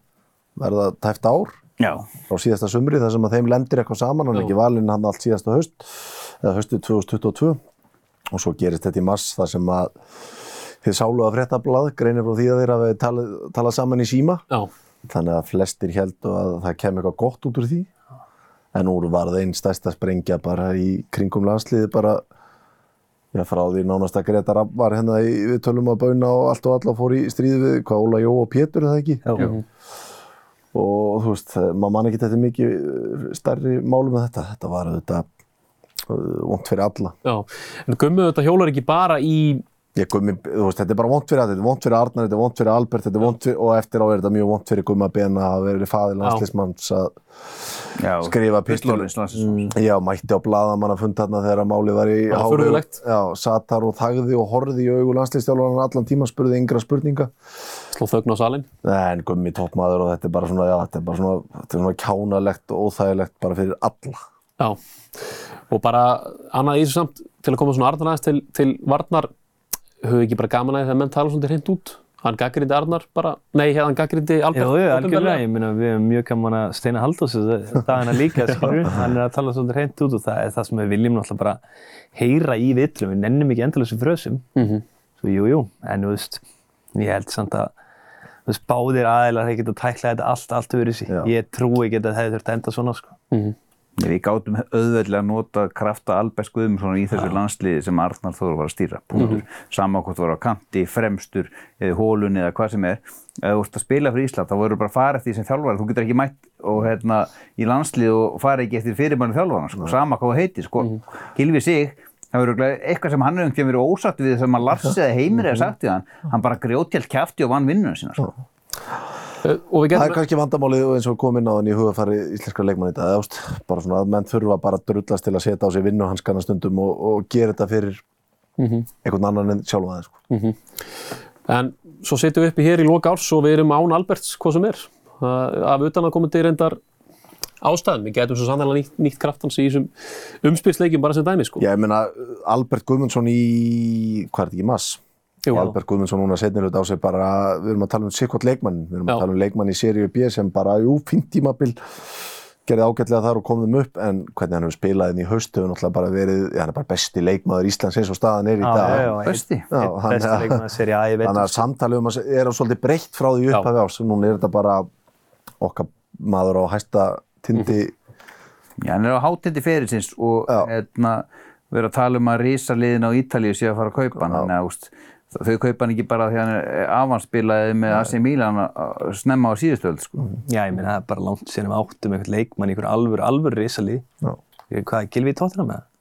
já, Já. þetta er Það bara, er langa afans fyrir ekki það. já, Svo að ég held að hann sé okkar næsti maður sem að mun fá til að Napoli AC Milan, sko. já, Er það svo Kristján Nökkva hlinsinni? Já, ég held þessi stittri Albert en Kristján í kjölfarið, sko. Svona ári í það. hann er klálega einn á ljósupunktunum. Það er förum í fleiri velun, við ætlum að vera með vonbreyði ársins næst. Og þetta var svona, meit ekki alveg kannski einingum þetta nákvæmlega heldur en við ákomum að velja landsliðin í knaspinu, bæði bara með, með töl, eru samanlega þessu drengir? Já, ég meina, það, maður fylgist mest með þessu. Og þetta voru vonbriði að að við hefum ekki náðu að vinna þess Luxemburg-leikin hérna heima. Já, horfi bara á hana riðið sem við vorum í. Það var lélegasti rið, Já. sögu undakeppni í Evrópu. Já. Það er ekkert eðlilega lélegur riðil. Og jú, við unnum Bosníu og, og Liechtenstein. Já, bara þessi sumargluggi og, og það sem ég, þessi, var ekki slóikjuleikurinn fyrir leikur? Jú. Fra, bara lámbesti spilaði leikur Íslands úr í undakefni. Það var mikið unnið hann leikin alltaf bara að maður skilur það ekki. og, og í kjölfarið ekki náði stíðan. Og stíga á móti Portugal og þá, þau úrslitöðu bara orðin til þess að við höfum farið inn á þetta Evrum og beint inn á það. Þannig að það er það sem er svo sárt við þetta að við hafa verið í þessum hörmungarriðli og einhvern veginn aldrei verið í þessu. áttum skili fjögur stígu sko. Sko. Já, já, en eins og einhver maður sagði, ef þú hefði sjá á mundi, átta fætur og einum mundi, sko. Það var eitthvað ekki, svo leiðis. Kjell, erum við ósakennir að draga hvernig leiðin í þetta? Nei, nei, alls ekki. Nei?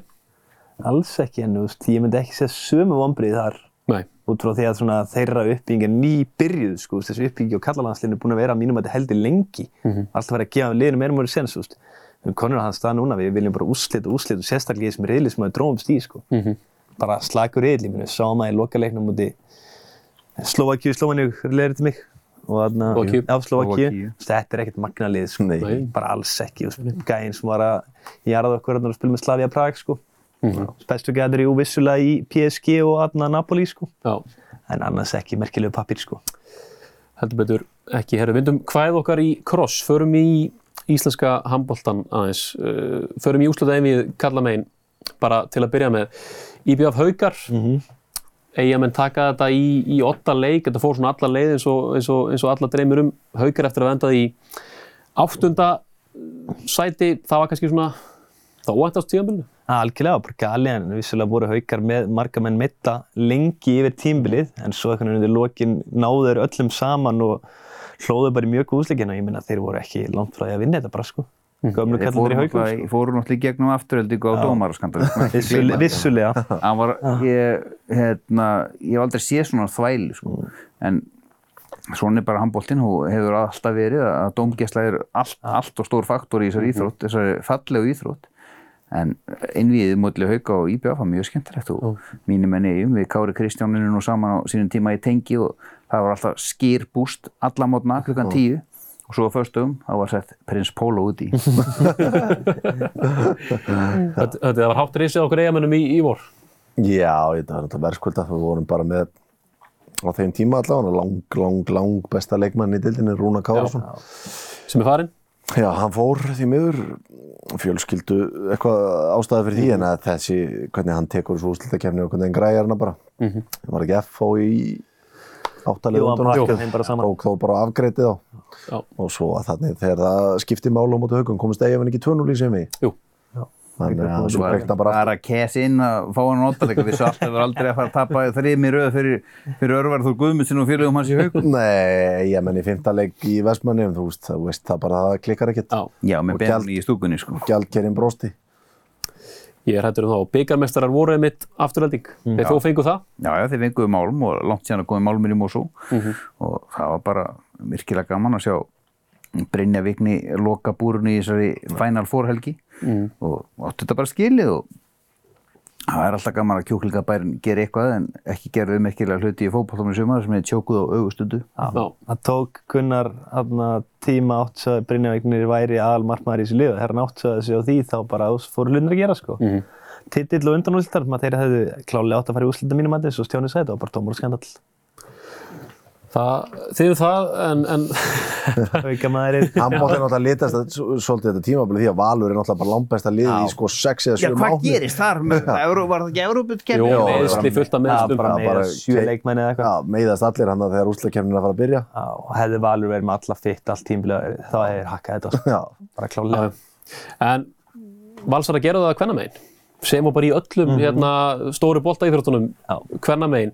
Að í Já. Uh, Íslandsmeistarar eftir 3-0 sigur í Evíunum og DBVF, einmitt títnefndum í hérna, úslita pælið í 4500 manna bæjarfélag, þetta er bara að berjast um alla titlan á landinu. Sko. já. Þetta er krafta. Og var fallandi í fótboltanum. Já, Það var megin. glindum fókusnu þar.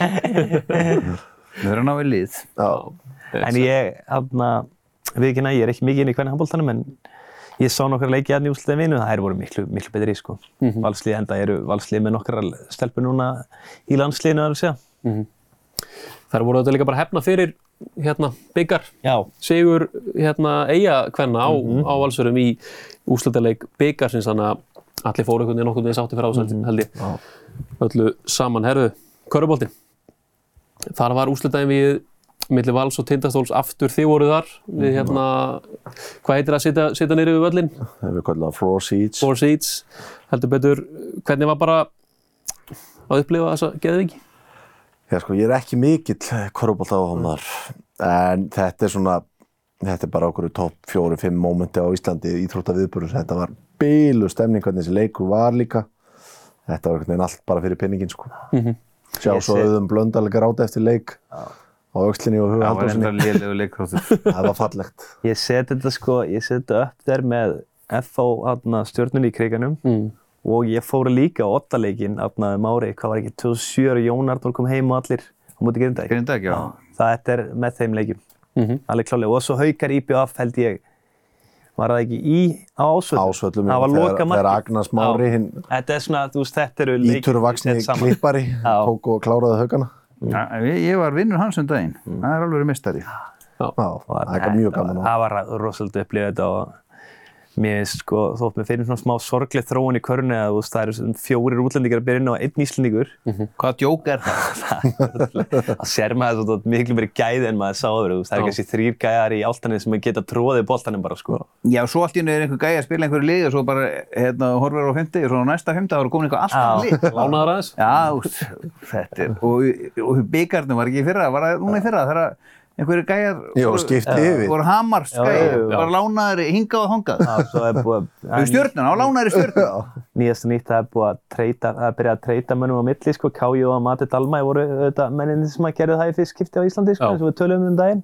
Og það er fullt af reglum í körfunni sem er bara alveg galnar, sko. Þú veist, við munum eftir í einum árið þegar Nick Bradford spilaði með Grindavík, Keflavík og Njarvík, öllum í. Já, já, veist, þetta var bara ótrúlega dæmi, sko. Það vissi enginn að þetta mætti ekki, sko. Já. Er þetta ekki einvið sem við viljum fá bara aftur? Nei, nei, ég er alltaf harðasti kájóð maður landsins og ef hann leifir strákunum á, í fórsetahöllin að dreyma um að vera Íslandsmeistari í körfu og, og stjarnan situr eftir með sárt enni, þá væri það náttúrulega bara drauma sinnar og ég væri til að fá stólar á móti Áltanessi, það er minn draumafænal í, í körfunni í vor Já, og já, ég er sé það alveg gerast. Ég er þetta ekki að hugsa þetta, ég oft talaði um að ég vilji sjá, þú veist, úslita einvíð á milli þess að tvekja, þú veist, það er eitt eitt fyrir mér, sko. En Káju og með Tinsól væri líka trillt, sko. Já. Það væri ekki svolítið trillt að það bara stækka húsi í Áltanesi, sko. Það er eitthvað komið að svo gera. rosalega rígur á milli kaupfélagsins og, og fastegnafélagsins sko. Það er er það allra að finna sem að gera þessi daginn bara langt síðan hleyja mikið og þeir Áltanesi vann stjórnuna, sko. Já. Bænum sem tóku, á, Já, tóku það að sér, þeir sko. tóku- Tó, á Altanes gjaldróta og gáðu þeim einhvern heimilin veginn, Já. þú veist, stjarnan aldrei gefið kjartan alltaf bara sensin. Þeir þetta var lungu búinir að því. Ég sé það bara strax að hann er, Hann er, hann er á öðru level Já. en þessi þjálfara, sko. Hann er drullu góð þjálfari, sko. Já, bara- mætir inn í þetta tímabil núna sem er í gangi með bara tals, úst, úst, þeir sækja bara byssur, það er bara já. að setja peningur í þetta og hann einhvern veginn svona á öðru tímabili úst, þetta er alveg geta að fara í abaskít og hann einhvern veginn mist hausin og ekki ráði við þetta sko, hann hefur gert trikalega vel sækir góða Íslendinga og svo líka gerir hann mjög vel í útlendingunum. Hafsmann hefur greinilega verið að horfa á vídeo fram með þeir nótt. Og það þarf ekki að koma neinum óvart að Valur tók þetta kvennami. Eins og, eins og allar aðrar sko, íþróttir. lang, lang bestar, sko. Já. Það var ekkert flóknar, nei, lang bestar. Keflæk voru mjög Valur Keflavík voru já. En það- Valur var einhvern veginn í úslita innvíðinu miklu Já. betri. og byggarnum, Clutch Gene í byggarnum var þetta Valur kalla megin og þetta voru þetta hauka konuna mínar, mm. kvenna megin. það var að sem Valur unni byggarinn kalla megin. Það var 40 ára Já. Já. söguleg, sögulegt moment. Ballon d'Or, það er alltaf á milli tannana á fólki, er ekki óvægt að segja þetta, verðskuld, verðskuldaður áttundi bolti Lionel Messi. þetta Já. er svo óverðskuldaðasti sem hann hefur unni greiði kallinn sko Ah, ok, vann HM samt. Já, hann var góður í tvær vikur á árinu Við erum farin að sjá það bara í Ballon d'Or, HM er bara, þú veist, það Já, það skiptir er greinilega bara geitin öllu sko, máli. já, það er klálega og þetta var svona síðasti séns til að gefa honum knöttin Algjörlega, þetta var alveg, ég minna, hefði Ronaldo unnið HM, hann hefði unnið Já. þessu. Þú veist, Þetta var einhvern veginn bara uppgjör milli þessar að tvekja á þessu ári á þessu heimsmyndarmóti. Mm En auðvitað, þú veist, já, ég er alveg til í að sætast að Erling Haaland, þú veist, Já. með þess að þrjá titla öll þessi mörg, alveg átt að vinna þetta. Maður hefði ekki getið verið brjálaður. Nei, bara alls hann, ekki, sko. Úst, á alltaf öllum öðrum árum en HM ári hefur hann unnið þetta, en HM náttúrulega var hérna, þannig að Messi fetaði loksins í fótspor Diego. Mhm. Ég, ég nú elska að töða, sko, ég nenni ekki að töða ykkur, í fótbolta, mér gæti ekki verið meira sama, sko. Er ekki alltaf leið þetta séu bara legacy velun? Ég meina, þú veist, menn, menn, hafa, jú, menn hafa talað eins og það sé neikvægt, en er það ekki bara alltaf leið? Nei, nei, nei, þetta er bara besti fótboltamaður í heimi á þessu ári Já, já. Já, það er bara... Messi er ennþá, hvað, hæfilegar ykkur til fótboltamöður í heimi? Já, já, hæfileikar er ekki, þetta er ekki, þetta snýst ekki um það, sko. Og þegar? Messi er farin að spila með Inter Miami og hann gæti ekkert í PSG-treyjunni þó svo er unni titilin, þetta, þetta er oft kallað Farmers League, sko, franska deildin Mm. og svo Positino hefði náða að enda í öðru sæti í eins hesta hlaupi, þá það og það er, en hérna, ég, þessi velun eru bara fínt, úst, hann á 8 bolta og Ronaldo á hvað 5, Mhm. Messi á HM, hinn á EM og svo á Messi í Copa America, þetta eru tveir bestu fótballtamenn sögunar, sama hvað aðrir tauta og raula, sko, það er bara þannig. Já, ég meina Ronaldo er að enda 2023-38 með 50 mörgum Já, á veltan. Já, í sátt í deildinni, sko. Mér er alveg sama, það er bara að vera 38 En skora, hann er líka raðinn í EM, sko. Já, Já, já. landsliðinu sko og, en það mun samt því miður verða Portugal að falli á EM næsta sumar sem að, hérna, við ætlum kannski ekki að ræða mikið hér. Að, Roberto Martínez allar að treysta á hann já, Martínez hefur bara, e, hann hefur val, ef hann ætlar að vera Evrópumestari með þessu portugalska liði sem er stútfullt af hæfileikum í öllum stöðum. Sennilega best get- mannaða liði í dag sko. Já, þeir hafa aldrei verið með svona gott, lið- góðan hóp. Belgía er farið niður, eru með eitthvað lið sem er betur mannaði þeir? Frakkar, já Já, frakkar. Já, Frakkar, og Já, og Portugal. svo englendingar Portúgal. að væri með alveg verið böll í Já. stjórastólnum, sko. Það er alveg hár rétt. Herru, velun, veitum fleiri velun, þetta eru mínu uppáhalds hingað til. Það er vanræksla ásins.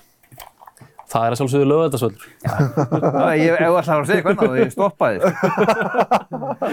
Þetta er bara hár rétt, bara að við skulum vera að bjóða upp á hana völl eða bara til skammar sko, það er ekkert flóknar en það sko. Nei, Já, Skömmin Sjáu liggur þið bara, fyrst og síðast hjá stjórnvöldum sko.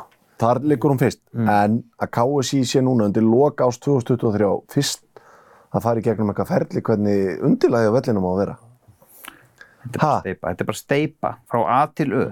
Af hverju er ekki bara einhverjum enga fyrirtækjum bóðið það að byggja svona völl, saman hvort það er í Garðabæ, Kópói, Reykjavík, jafnvel bara á suðunni sem er gæti Já. ekki meira sama hvað þessi völlur er.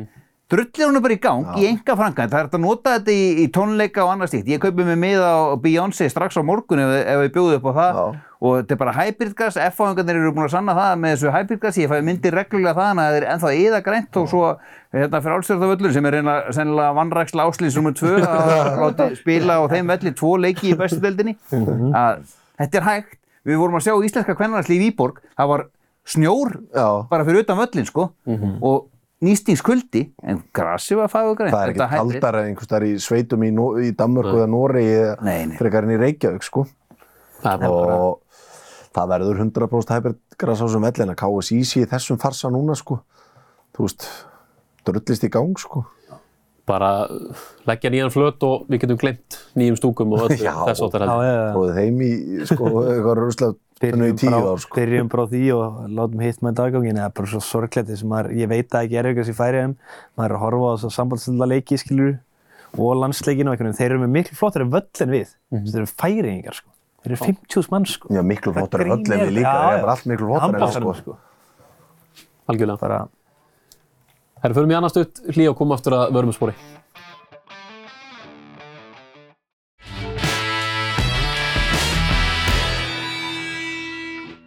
Ég er alltaf sestur að minnstakosti fimm mínútum fyrir áður en að flauta til leiks. Það er happa. Hvað er þitt leinivopn þegar þú tippar?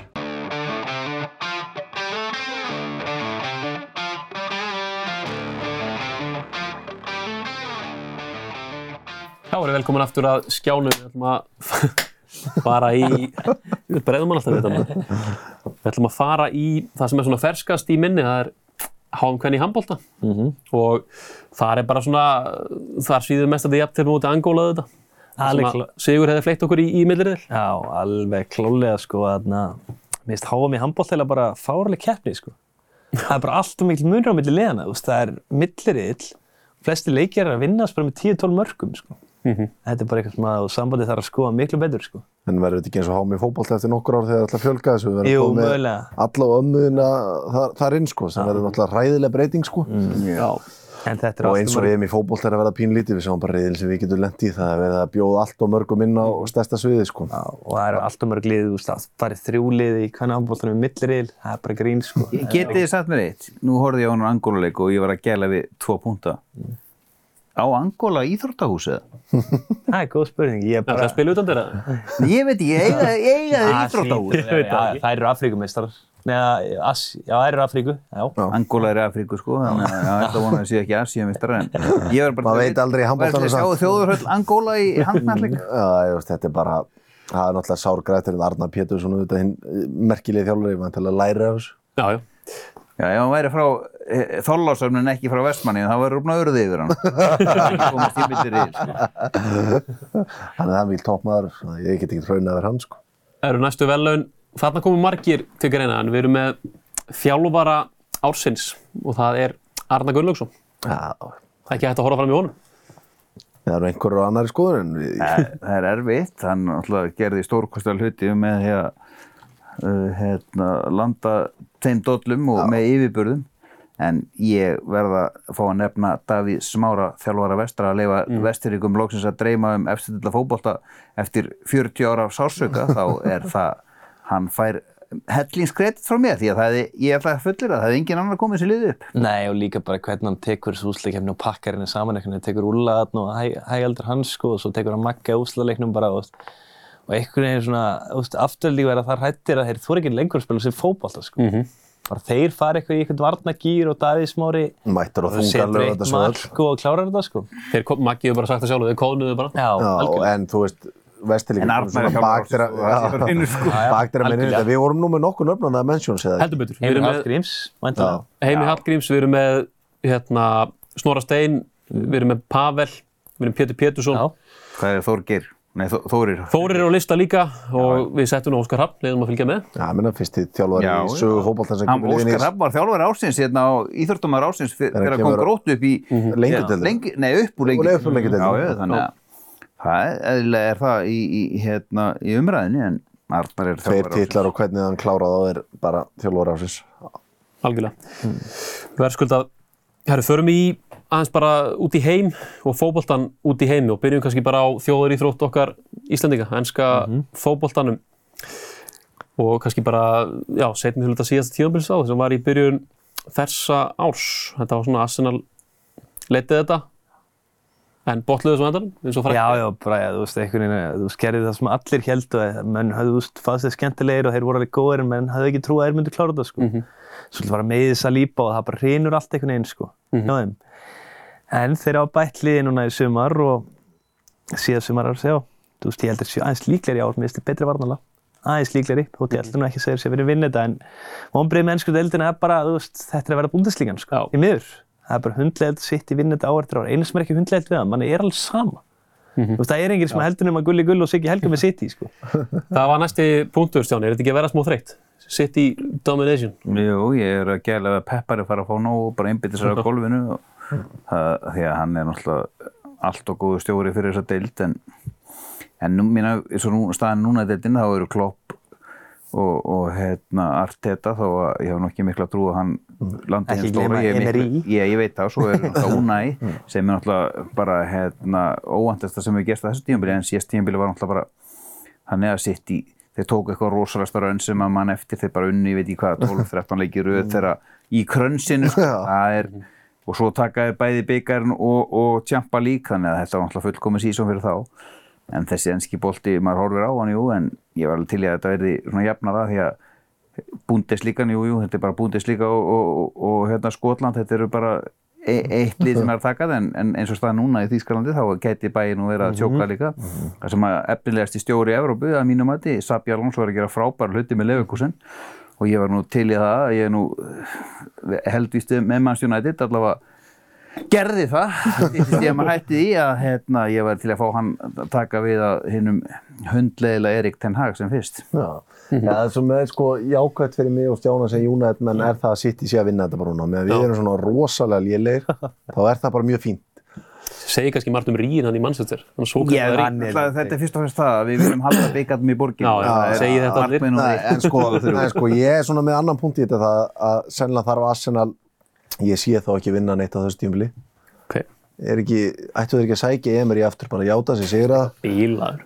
þú veist, Arteta er sennilega okkar ofmetnasti þjálfari. Nei, akkur segir það? bara, þú veist, með dýrtlið Það bjóst engin við hann er í titilbort í vor. bjóst engin við. Þeir voru bara með unnin titil og klúðruði Nei, það bjó- þú veist, getur hinn hlýðin á peninu meira, þeir bara, það bjóst engin við þeim og þeir voru að skilja upp fyrir þú sér. varst komin hálfa leiði Já, já, já, Saliba vissulega ert að, þú ert að vísi það, Nei, alveg það sem að... hann Arte, Arteta, það er, er stutt í það að menn fatti leikþáttunar Nei, Þetta er mesta blötu hér. þáttur en hann, ég meina, hann Emi Martínez sem er í Aston Villa, markmaður sem er seldi á klink þangað, hann er með Það tvo ekki. ágætis, hann er með bang average markmann. Ég man ekki eftir að liði ennsku úrstöðinni hafi orðið meistari með bang average er svona búin að vera í búrunni hjá City þegar hann vinna þessa titla. Alisson. Hjá Liverpool. Þegar Leicester tók þetta rönn sitt, það voru ekki með einhvern meðaljón í markinu, þeir voru með Kasper fucking Schmeichel. Júnætt með DG Já, það var stórslýsi sem að sanna kannski regluna. Þegar United var að vinna þessa titla, það voru alveg Van der Sar, Bartes, Schmeichel í markinu þannig að, og Chelsea með Peter Cech og Courtois. Þú þarft að vera með alvöru, alvöru svaki í markinu, ekki einhvern 170 cm spánverja. En mér fannst við, við Asana menn, svo segi það, bara ekkert vera með banga eftir eitt smartmann í, í fyrra. Mér fannst þetta bara, Já. mér fannst Jú, Já, in the hann- end. hann- Ramsteil, það braut bara Ramsteil Já, að fá en ræða hann, þeim, sko. þú veist, ok, hann er Hann alveg fítni fyrir hann, hann hann verður, koksaði samt aðeins í restina hann verður aldrei, Hann sér það bara á honum, hann verður aldrei Alisson, hann verður aldrei Courtois. Já, er það er bara ekki það ekki heldur, sko. Body-typið og fleira bara býður eitthvað Nei, er hann ekki bara á láni? það var kiptur Það var eitthvað neyðarlán. Þetta var bara FFP5, sko. Já. Því miður, því miður eru að fara að kaupa þeir sultuna í tímabils. Þrjár miljónir punta og hann veitir Newcastle. Já, það er eins og það er, eins og það er. Herru, aðeins að Liverpool, þínum menn, Kelly, það var talað um uppbyggingafasa í, í sumar Já. eftir vonbyrði á síðustu leiktíð en Klopp hefur einhvern veginn bara náða að þetta ansi, ansi hratt. Já, bara ótrúlega að vera einhvern veginn stíkringu toppinu í ólinn bara með, veist, makkalistir í sexunni, sko. Já. Bara klálega. Þú veist, hann er ekki góður þar, sko. Bara alls ekki. Þú ert einhvern veginn einhvern veginn að taka allt frá honum með að spila honum þar, sko. Mhm. Allt og hægur og fleira, sko. Og þarna, það er bara einhvern veginn allt gengið upp í ár, sko. Já. Setni partinu er að segja á þessu tímbili, sko. Já, Og margir náttúrulega leikir búin að vinna þessum lókina sem að Leopold er ekkert búin að vera sérstekir eins og mútið Pallas og þarna Fúlam og fleiri liðum, sko. Mhm. Svo að já, já. það þarf að gerast eitthvað í janúar, þú veist. Það er samt að tala um Liverpool bara sem að þeir verða upp þeir með City, sko. Samt þess með þeir ekki meira sustainable en Arsenal. Það máli er að þeir hafa verið upp þeir með City, ég held að Já, það, já. og þeir hafa... Ekki þessi miðja, ekki þessi miðja. en ástæðan er bara þessi sókn og þessi markmann. Þú ert með sóknan þess að getur unnið einhvern einasta leik fyrir Mhm. þig. Þú ert með markmann sem að græjar helvíti marga leiki fyrir þig. Og Virgil van Dijk... Og hann er óþólandi góður alveg. Virgil van Dijk verið er eftir að koma í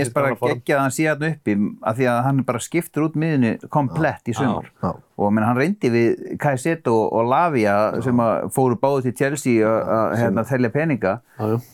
Ég held að þeir að Kajseto hefðu smollið vel að inn í Já. sexun og þá, hefði hérna, hann uh, Makkalistir ofar ofar, og- ofar og, og svo er hérna Dominik vinnu minn frá Ungverlandi, mm. Sabo Sly, ef ég ber þetta fram rétt.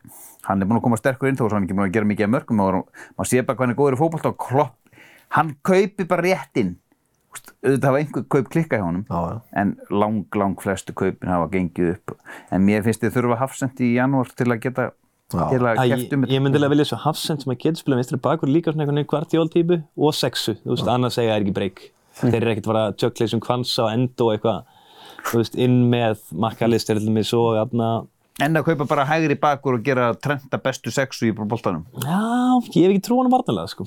Ég með, það er, bara, ég held það er að, auðvildast í heimi í fótbolta það sagði mig góðum maður það er auðvildast í heimi í fótbolta það er að læra að verjast já, en Leopold náttúrulega spila bara hann í fótbolta, er fá svo mikið að breykum á sig. Þeir eru einhvern veginn með all upp og ég held að þá þurfur bara gæja eins og Fabinho og bara, jafnvel Palinja, sko. já, já, það væri alltaf Einhverju góð típu sem er geggjaður að hlaupa upp í leikmenn, Já, sko. veist, það vantar líka bara það til að sóbúslega þurfi ekki að hlaupa svona mikið Já. tilbaka, skilur, það þarf að styrkja þetta þannig að hann geti aðeins verið framar og nýtt þegar Leopold vinnur boltan. pæli í geðeginu, Leopold vantar það mikið sexu að bara all Leopold samfélagi var horfandi hérna á Flamengo og móti, var ekki River Plate eða? Nei, Bokka. Bara því að það hefur verið orðað að veina André, skilur. Þú veist, það er mikilvægt þörfin á sexu. Þeir geta orðið meistarar. Þeir geta heldur betur, herru, förum í United aðeins á þessu ári unnu þetta deltabyggarinn. Það er kannski erfitt einhvern veginn að pæli því akkurat, akkurat núna með hvernig staðan er, mikið volaði en árið, dustur þetta smá rikki í augun, deltabyggarinn eða? Deildabikar endur orðin stóri byggarn á Englandi, það er bara fakt liðin að fann að leggja meiri áherslu á hann en þá elstu og virtustu en, en hérna, spilamennskan á þessu tímabili, ég minna liði búið skora 80 mörg, City búið skora 20 fleira þegar þetta er tekið upp þetta er úst, þetta er ekkert allt stjóranum að kenna sko, ég ætla ekki að fara að setja það en það, er, það sem ég er búin að vera að tönglast á það eru allt og margar yfir borgaðir aumingjar í þessu liði. Þeim er drullu saman um allt nema sjálfan sig og veski sitt. Og þa þannig nærði aldrei árangur hópalda. Hvað heldur að makka allisti því með laun hjá hérna, hérna Liverpool? Hann er á svona skott 120 makkáminni Já, tjekka. hann er á einhverju makkáminni tjekka. Antoni, Jadon Sancho, þessi gæjar allir, Antoni Martial, þetta er alltaf gæjar á yfir 200 fundum á viku og, og motivationið er akkurat ekkert að gera eitthvað inn á fótboltavellinum. Nei, þú veist, og vandamáli, maður les bara nýlega viðtal við Mario Bastler, Bayern Legend sem segir, þú veist bara, Bayern var aldrei að fara að taka Jadon Sancho, við vissum að vandræðum hans í Dortmund. Já, svo er það að heimavinnan er engin. Nei, þú veist, það er bara að kaupa eitthvað Antoni, þú veist, þetta er bara endalust. En Erik Ten Hag er svo einhvern veginn karakterslaus og, og leiðinlegur og, þú veist, ég bara get ímyndað mér og hvernig hann hefur spilað Antoni á móti öðrum gæðum sem fá minna að spila. Þú veist, það er einhvern veginn allt vont við þetta, hann er búinn að fylla þetta vinum sínum og bara verður að fara. Amrabat kemur Já, henni á já. láni fyr- og og Fred láti fara til Tyrklands. Já. Og Svona atri, En svo spilar þessi Kobi Mæn og góðan leik, svo er þessum Amrabat vinans bara hendinn og... tvo leikir röð. Já. Þórið ekki að setja hann inn á móti gala úti, þetta er bara hann er bara, uh, hann er bara Er hann ekki bara Punglaus. En auðvitað eru vandamáli miklu er já. bara félagið sko og það er bara skandall að liða á borð við Master United sé ekki með sporting director og það sé ekki verið að kaupa inn eftir þessu struktúru, þú veist, Hag, þetta er svo augljóst, maður hefur haldið þetta lengi, hann er bara að mæta þetta með gæða sem hann þekkir. Sann þjálfaði Sofín Amrabat í útrekt sko, Já. þú veist, fyrir ykkur tíu ári með eitthvað sko. en maður samt pælir, hann er búinn að komast upp með svo mörg slæm töp að bara, þú veist, hvað þarf til að reyka hann, sko. Að, þú veist, Það er held ég, ég held að menn séu farin að fatta að þetta, það er ekkert endilega lausnin sko. nei, Og þeir eru auðvitað að betur Radcliffe mæti og sko. taki stóru Þú veist, með alla sína visku, er hann ekki á toppnum í farmers líka eins og þú talaður um? Ég held að hann er við toppin allavega, með PSG. já. Með nýs. það er þekking Já, með nýsar Já, sér. Og er að gera því líka hluti að hann austur landi, sko. já.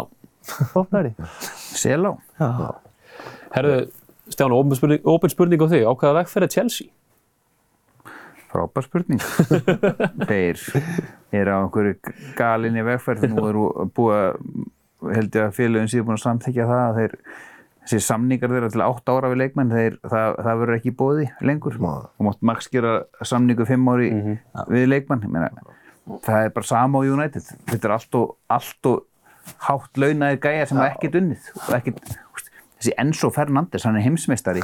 það er ekkert honum að þakka að Argentína lifti gullstittun í, í, í, í Katar, sko, bara glemdu hugmyndinni. Kiftur á, úst, hann og Kajseto samtals yfir 200 miljónum punta í ekkert. Nei, ángríns. Pælið bullinu maður. Þeir eru Og svo með- mútrikinn hann líka, úst, Já, það eru 300 miljónir punta sem hafa í skilað þrjá engu. auðmi. Ég ætla bara að segja. Já, Þú veist, þeir kefti hann okkur á tíu Benfica bara, fjórum mánuðum á undan. já, tók hann sumarið Já, þetta er bara, þú veist, besta hlutabrið sem þú keft á lífiðinni, sko, þarna. Svo er bara, þú veist, þetta er gæi sem er að stjórna klubnum sem veit ekkert um fótbolta. Bara nákvæmlega ekki neitt, sko. Þetta er bara eitthvað hafnaboltafrændi, sko. algjörlega. hann er búin að kveiki einum klubbi hraðar en okkur annar hefur gert sko. Já, því miður. Falleg hugssjón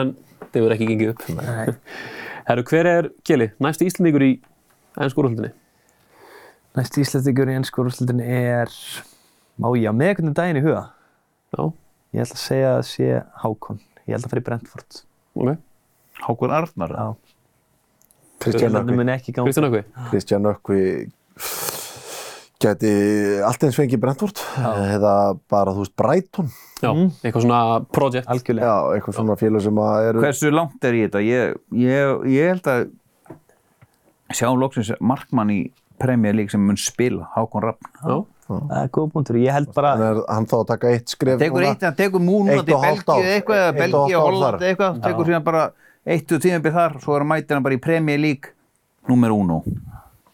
Pósti minna við sáum Brighton taka frá Belgíu eða ekki í, í sumar? Já, Jú, jú, en hann, og hann getur ekkert sá markmaður, sko. sko maður þannig að þú veist, hann er ágætt að sjátt en ég held, held einhvern veginn að Kristján Ökvi bara taki þetta á næst tíðanbíl Majax og svo síðan mættur í svo en aftur erum við að sofa einu líka bara, þú veist, Blackburn geta alveg farið upp í umspilið og Arnur Sýver. já, já, já. Sko. hann er alveg en svona einhvern veginn sem kemur nýr inn í eitthvað nýtt félag þá myndum já, þessi þrýr eiga klálega erindið þangað. já. Herru, meistaradöldin, City tók þrennuna, uh, var pepparinn og City yfir höfuð smá, eru þið smá sattið við þetta? Nei, en þú veist, er þetta ekki bara eðlegt einhvern veginn eftir og vinnur allt galleri að komið smá einhvern veginn svona niðursefla, skilur Ég held það. Þú veist, þeir eru ennþá inn í öllu keppnum og geta unnið þetta allt aftur, sko. Þeir bara geta mjög öðlega, myndi ég segja, sko. Já, það er alveg eðlilegt að menn séu þreyttir ef allir tóku Jack Grealish sumarið á þetta sko Algjörlega, en ég hallast það í, eins og hópurinn á City núna, ef þeir hrúa ekki droslega mikið inn í hann, að þeir muni leggja meira á Champions League. Þú veist, það hefur verið umtala bara, þú veist, nummer 1, 2 og 3 hjá þeim er að vinna Champions League, sko. Og hefur alltaf verið það, sko. já, Vissulega er þeir með þessa gulrót að vera hvað, fyrsta liðið til að vinna fjóru sinum, eða ekki? Ennsku deildina? Fjórum sinnum í Premier röð. League. Fjórum í röð, Já, já. fjóru röðar. Geta leikur að fyrsta liði til að vinna þrennun og tjóri röð. Já. Æ, já, þá fem maður nú að uh, hérna, blokka gulla, gull og sér. En þetta var fyrirlega tíma í meistaradöldinni. Þetta var rísa stórt fyrir Guardiola að vinna þetta Já. með öðrum klúpi en Barcelona. Hann var búinn að reyna með Bayern, Já, já. klikkaði það var bara major failure. Já, það er aldrei nála því. Nei, aldrei og úrslit. hefði hann lappað út frá City með engan Champions League þá hefðu svona þá hefðu menn farið að setja spurningar með getur þetta ekki án Messi sko. Nei, það er alltaf búið að vera það, hérna, stjörnum þetta við þetta, sko. Þetta var fyr- svona smá fyrirlega tíma í, í Champions League að því við sáum ítölsku liðin veginn svona til kílu fyrir sig. Já. Uh, Öllum er ábyrginn. já, í öllum er, nú er það að fyrir nýtt fyrirkomulag hvernig bara, þú veist, er, er þetta ekki að fara aðeins að koma í meiri veg fyrir svona, hvað maður að segja, að svona miðlungslið fari, fari langt? bara eins og við erum í alferð sem árum, skilur Ég Já. held Já, það og mér líst ekkert á, þessa, á þetta nýja fyrirkomulega. Mér finnst Ég- þetta bara fínt, sko. Ég Ég er myndi vilja bara fækka þess. fíkill sko Já. Það er ekkert eðlilega að leiða þetta að spila þess að það spila eitthvað sex leikið það ekki Jú, mótið mismunandi anstæðing. Já, þrýr Já, heima það- og það- þrýr úti Já, ekki? og það er kategóri sko, uh, þetta er þrýr kategóriflokkar Já. og mætir tveimur liðum úr hverjum flokki og svo er þetta að spila sko, er í reyðilega kemna enda fram í loki janúar Já. og svo fara sko áttalið í 16 úrslit 16 lið fara og spila um það að komast í 16 úrslit, þetta er orðið bara Hvað svona þarfst að vera með hérna, masterskráðu til að vita hvað um þetta snýst eða? Nei, veistu, þetta, er bara, þetta er bara nákvæmlega eins og HM í handbólta, HM í fótbólta, EM, veistu, þetta er bara að fjölga leikjum. Why change a winning formula, hef ég alltaf sagt. Já. En samt er meistarallin hundleðil orðið fyrir á. Já, veistu, maður, er alveg. Þetta voru maður hefur- drep. Maður hefur hort í það þó að hann sé nú ekki á köflum mjög gáðað maður, Mikael Nikolásson, þá var hann talað um það að fækki í þessari keppni. Já, það, Það er bara eina sem hann langar í, sko. já, já. Meina- Max 24 lið. Þegar að United vinnur þetta 99, það er nú bara dæmi sem að þekkir. Lenda er ekki í milliriðli með Bayern og Barcelona. Það var bara geggjaði Já, liðið. fara svo inn í Áttalegu úrslit. Já, og fara þar í gegnum Inter og Og Juventus. jú í undan. Já. Já, já, þetta. Það voru bara stórleikir í hvernig einasta helvist leik sko. Algjörlega, það þarf bara í staðin að gefa, skilur, Evrópadeildinni kannski meira vægi fyrir þessi minni lið, skilur. Meiri peningar, Já, menn er ekki bara skemmtilegri Evrópudeld með betri félugum þar bara segjum að Manchester United og Liverpool væri þannig annað hvert ár Arsenal og Chelsea hinn Hvað ára verða? Fimm lið frá einhverjum löndum eða ekki? fimmlið frá held ég efstu tveimur í þessum þessum Júfa ranking Já. point Það sko. spátn og Spátn og England eins og staðan í Já, dag sko. við United menn mögulega getum sett strik í þann reikning núna. Já. Já, við erum samt að eima á fymta seti En svo er spurning að við fækkum liðum, þá fækkum við líka í vantilega Európa-deldinni, setjum betri lið þangað og endanum kannski ítum við íslensku liðinum úr samansteldinni, sko. Já, það er Bara það er ekki búið til fjóruðdeld í Európa. við erum ekki skilið að vera í sambandsdeildinni eins og við erum núna, sko. Nei. Æja. Í miður. Kjelur harður. Meistardelt hverna þar svona, var vann Barcelona þetta, en Já, já. við vildum sjá Sveindis í dén. Horfði Vinna. úrstæðleikinn og þú veist, þetta var svona, það var svo gaman framan en samt einhvern veginn, þú veist, þótt þær varu komnar með þessi 2-0, sko. Mhm. Það er maður aldrei tróð, sko. Barcelona liðið það miklu, miklu betra, sko. Já. Bara svo, bara mjöllu þær í setni áleik og bara rúlu yfir þær, sko. Já. Bara unnið þetta frekar samfærdi, sko. Við máum bara sjá aðra en Söru lifta þessu Já, Já. komin tími til. Maður er heimtu frekur. Já. Herru, förum í síðustu tvö velunum og kannski þau, þau stærstu. Byrjum bara á íþróttakalli ásins. Þar völdum við Gísla Þorger Kristjánsson og bara svona áður en við fáum að heyri í honum. Uh, fleiri nöfn í umræðinni. Já, hvað voru við með þarna? Jói Berg, Já, fyrir upp með börnlegi spilar í Premier League það er stærsta sviði sem nokkur íþróttamaður getur spilað á. Og þeir rúlu upp hann Championship-dildinu þó árangurinn í Premier League hafi vissulega ekki verið neitt sérstakur. Við vorum með hverja Hákon Arnar, það er þetta stóra múf til Fraklands og ombrið hvernig það hefur gengið en samt, þú veist, Já, uh, árangur íþróttum er metin út frá peningum og hann er kiftur á ekki bara 1,6 miljardar eða Já, hann bara nálægt uh, bara því að vera, er ekki þriði dýrasti eða eitthvað, þetta er bara Eiður og. Gylfi sem eru fyrir ofan nöfn. í þessu. Já, veist, hvað er meira hann? ekki? Kalla mig. Sjátt. En ég ætla að Ómar Ingi var besti handbóltamæri heimi ángilega að Meiri, meita. já. Já, já, hann, er- hann fær alveg sjátt en Körfuboltinn enginn eitthvað sérstaklega. Elvam og Fredrik sátti fínt tímbil en ekki upp þeir með í þessu En samtali. þetta var bara svo impressív og Gísla hvernig hann þjóðsnaði sér í gegnum. Champions League og kláraði það sko. Og einn leikmaður sem átti líka hörku tímbil í fótboltana, það er bara Willum. Þú veist, á þessu ári er hann bara með einhver 11-12 mörk í Eredivísi og 5 assist, sko. Ég var að taka þetta saman um daginn. Ég og Sigurðan Jónsson varum að framist taka þetta er geggjaður. Já. sko. Þannig að er. Ég myndi segja að hann var eins og at the moment að hann besti íþróttamæður Íslands. Já. Pund fyrir pund. Gísli Áturskili Já, Gísla Heldur átti algjörlega skilið bara þetta. Þessi fænal helgi bara ótrúlega dæmi, sko. Heyrum hvað íþrótta Karl Ársins að mati íþróttavikunar hafa að segja.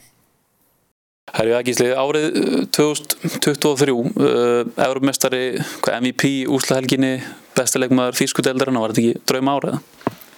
Jú, það er auðvitað það er auðvitað svona alltaf tvei, þrý hluti sem hefði getað farið betur en svona á heildinu litið þá get ég verið greiðlega sáttur með þetta ár Já, kannski er að taka það fram svona áranguslega, úslitilega drauma ár en þetta meittist ítla hver er svona staðan að þér.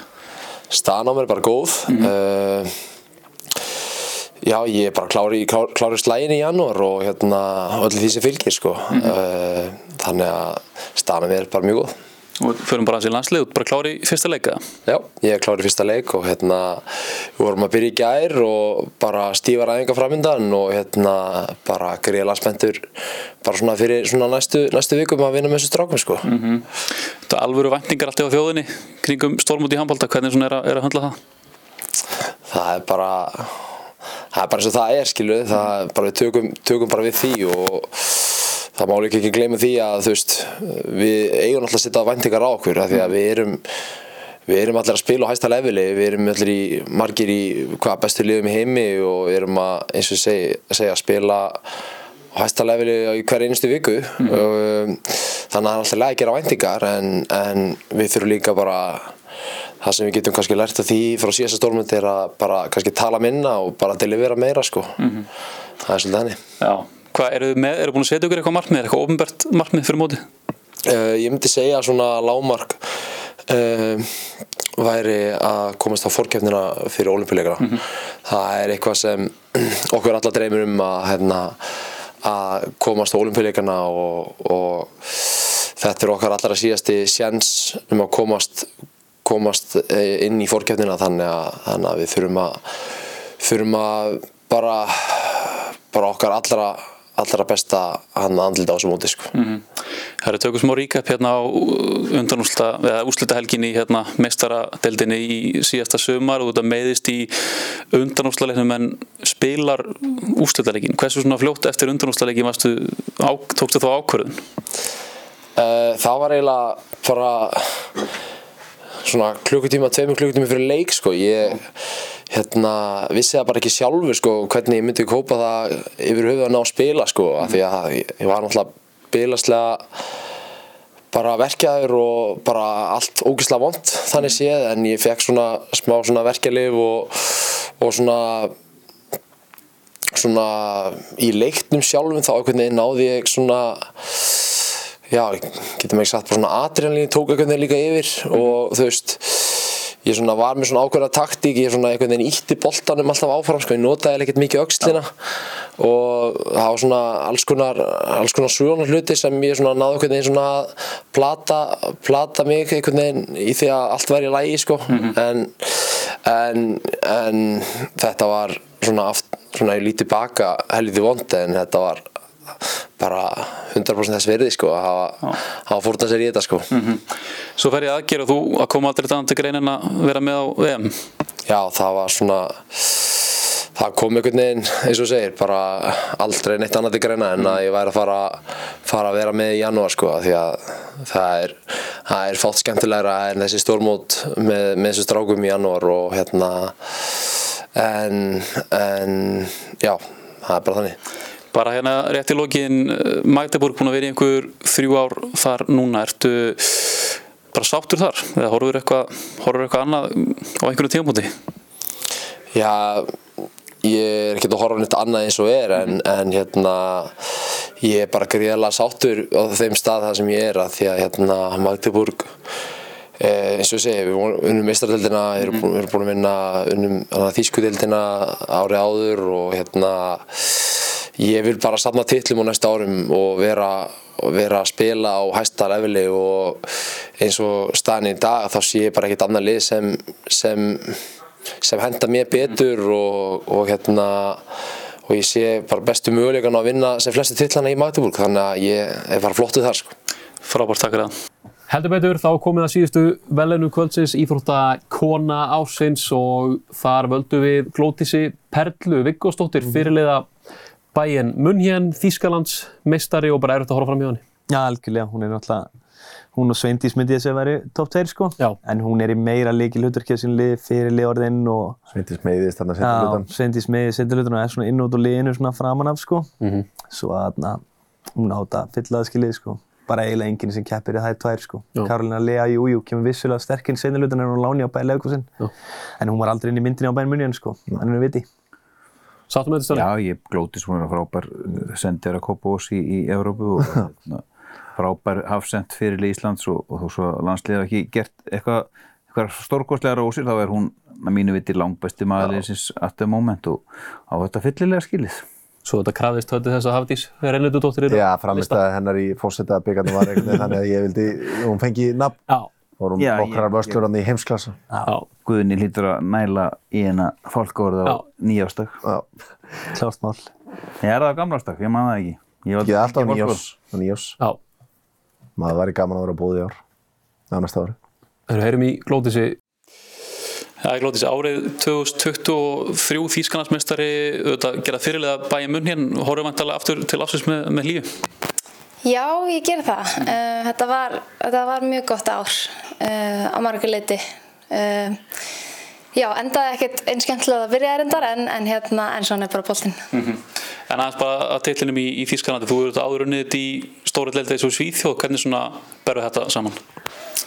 Auðvitað er alltaf gaman þegar maður vinnur fyrsta titilin sinn í, í nýju landi og það er alltaf sérstakt á sinn hátt og það var mjög, mjög gaman þegar ég vann í fyrst skipti í, í Svíþjóð og, og auðvitað greiðlega stort að vinna í fyrst skipti í Þýskalandi líka. Um, kannski aðeins það eru svona hátíðarhöld í, í Þýskalandi með bæðin minn hérna og, og hérna og með kallaliðinu og öllu þannig að það var kannski svona aðeins stærra, stærra bíó í kringum það en, en hérna samt sem ári bæði skiptin bara greiðlega stolt og, og gaman að, að ná mörgmöðunum sínum. Mm Búin að fyrirlega núna í svona um það byrja hálft ári í bæin, er þetta svona, finnir þið fyrir aukin ábyrgð með, með þetta hlutverk? Já, ég ger það alveg. Um, þetta er náttúrulega greiðlega mikil heiður fyrst og fremst og hérna, en samt greiðlega mikil ábyrð uh, og mikil, uh, kannski ekki pressa en eins og segir mikil ábyrð á að hérna, allt gangi vel og, og ég sé að spila upp á mitt besta alltaf. Um, en að samanskapi þá gerði ég þá kröfur að sjálfa mig fyrir hvað sem er þannig að já, bara gaman að fá, að- fá að leiða stelpunar inn á og, og hérna og, og já, fá þetta hlutverk. Mm Ég sá að félagi var að byrta og spilaði allar, hún spilaði 90 mínútur í hverjum einasta leik á árinu, hefði ekki satt, öll árinu, kærkomið frímæntalega núna, smá jólafrí. Já, það var enda svolítið, svolítið kærkomið, ég viðkynni það. Eh, ég var hann svolítið þreytt í, í senstu leikunum en, en já, ég hef verið gríðlega heppin með, með, hérna, með meðsli og annað og, og hérna, hugsa vel um mig þannig að ég hef náða, náða að geta verið alltaf inn á vellinum þannig að þetta er líka eitthvað sem ég er alveg svona svolítið stolt af. Það er gaman að geta verið alltaf til staðar fyrir, fyrir liðið sitt. Mm Aðeins bara árinu hjá íslenska landsliðinu, hvernig, hvernig horfið það við þér? Uh, bara svolítið svona upp og niður eiginlega. Uh, við erum að, vorum að fara í gegnum gríðarlega svona kaplaskipti mikið af reynslum miklum leikmennum að hætta og, og, hérna, og þær voru að skilja eftir sér gríðarlega stór skörð sem, að, sem að, hérna, við kannski eldri fundum aðeins fyrir að, að það var smá tíma að fylla og hérna, vorum að fá inn mikið af nýjum ungum leikmennum og, og hérna, auðvitað tekur smá tíma fyrir þær að, að líða vel og, og hérna, opna sig en, en hérna, svona undir lók ást þá fannst mér eins og að, að það væri allir að ná að blómstra betur og, og hérna, við vorum að ná að, að tengja betur inn á vellinum og, og já, náði best út úr liðinu og, hérna, kannski ekkit óeðlilegt að það tók smá tíma en, en hérna, en ég er mjög spennt fyrir, fyrir næsta ári. Náttúrulega væntalega virkilega jákvæmt hvernig þið bara klárið ára líka á þessum tveimur sigurleikjum. Já, gríðarlega og hérna, fyrst og fremst bara fyrir okkur sjálfar að, hérna, að fá, fá þetta sjálfströst að við getum, getum unnið liðin sem eru, eru betri en við. Það skiptir máli og hérna, við gerum þá kröfu okkur og þjóðin gerir þá kröfu okkur þannig að, þannig að það er ákveðin sigur fyrir okkur líka bara svona, já, upp á sjálfströst að gera inn í framhaldið að hérna, hafa geta unnið þessa leiki og, og nú þurfum við að frumspil og, og halda okkur upp í aðdild bara. Mm Aðeins bara aftur að þér auðvitað gerir að þú eru sett mjög ánæg á bæin fyrirlið þar, varstu þetta orðið við Arsenal árinu, er ennska deildin og uppgangur þar eitthvað sem horfir í svona í, framtíðinni? Ég veit það ekki, ekki akkurat núna. Uh, ég er náttúrulega var að skrifa undir, undir langtíma samning og, og hérna, ég er gríða lána hjá bæjan en, en ég fagnar mikið uppgangi hvernarknarsbyrnu bara út um allan heim. Það er, það er mikið að gerast og það er mikið að gerast hratt. Uh, englendingarnir eru sérstaklega góður í að markasetja sig Mhm. þannig að það er kannski svo deild sem er svona mest í andlutinu á öllum þannig að hún er auðvitað gríðilega spennandi en, en hérna, það eru aðra deildir sem eru líka að gefa mikið í og hérna eru orðnar sterkar þýska deildin er, er miklu sterkar núna heldur en þegar ég kom fyrst og, og hérna spanska deildin líka og ítalska og, og þetta er bara gríðilega spennandi það sem er að gerast í, í kvennapaltanum Mm -hmm. Herri Glóðs, takk fyrir að gefa það smá tíma. minnstamál, takk Já, gaman að heyri í glótísi þarna strákar. Það held ég að séum bara nokkuð tæmdini með ætlum að vera með eitt svona í, í lokin. Við viljum tilnefna mannesku ásins bara í íslensku þjóðfélagi. Ég, það er svona eins og Kritsillin gerir þetta alltaf. Já. Það eru þetta margir tilkallaðir. Já. Kristján Loftsson, eigandi kvals. Já.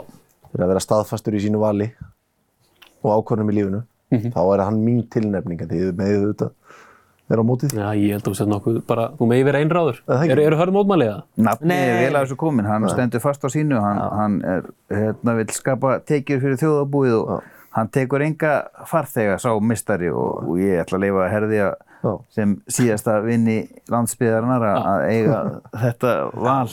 Ég er svona vanlega þannig bara í sko, þjóðmálum að ég tek ekkert stans, mér finnst það þægilegast. Bara hérna ger ég það ekki og leifi bara að njóta Já, vals. og amen. Herru, ég þakka ykkur bara kærlega fyrir strákar og sérstaklega þér náttúrulega Kristján fyrir að vera hérna með fyrir okkur. mig. Ég segi bara gleðilega hátíð Það var gleðilegt nýtt ár.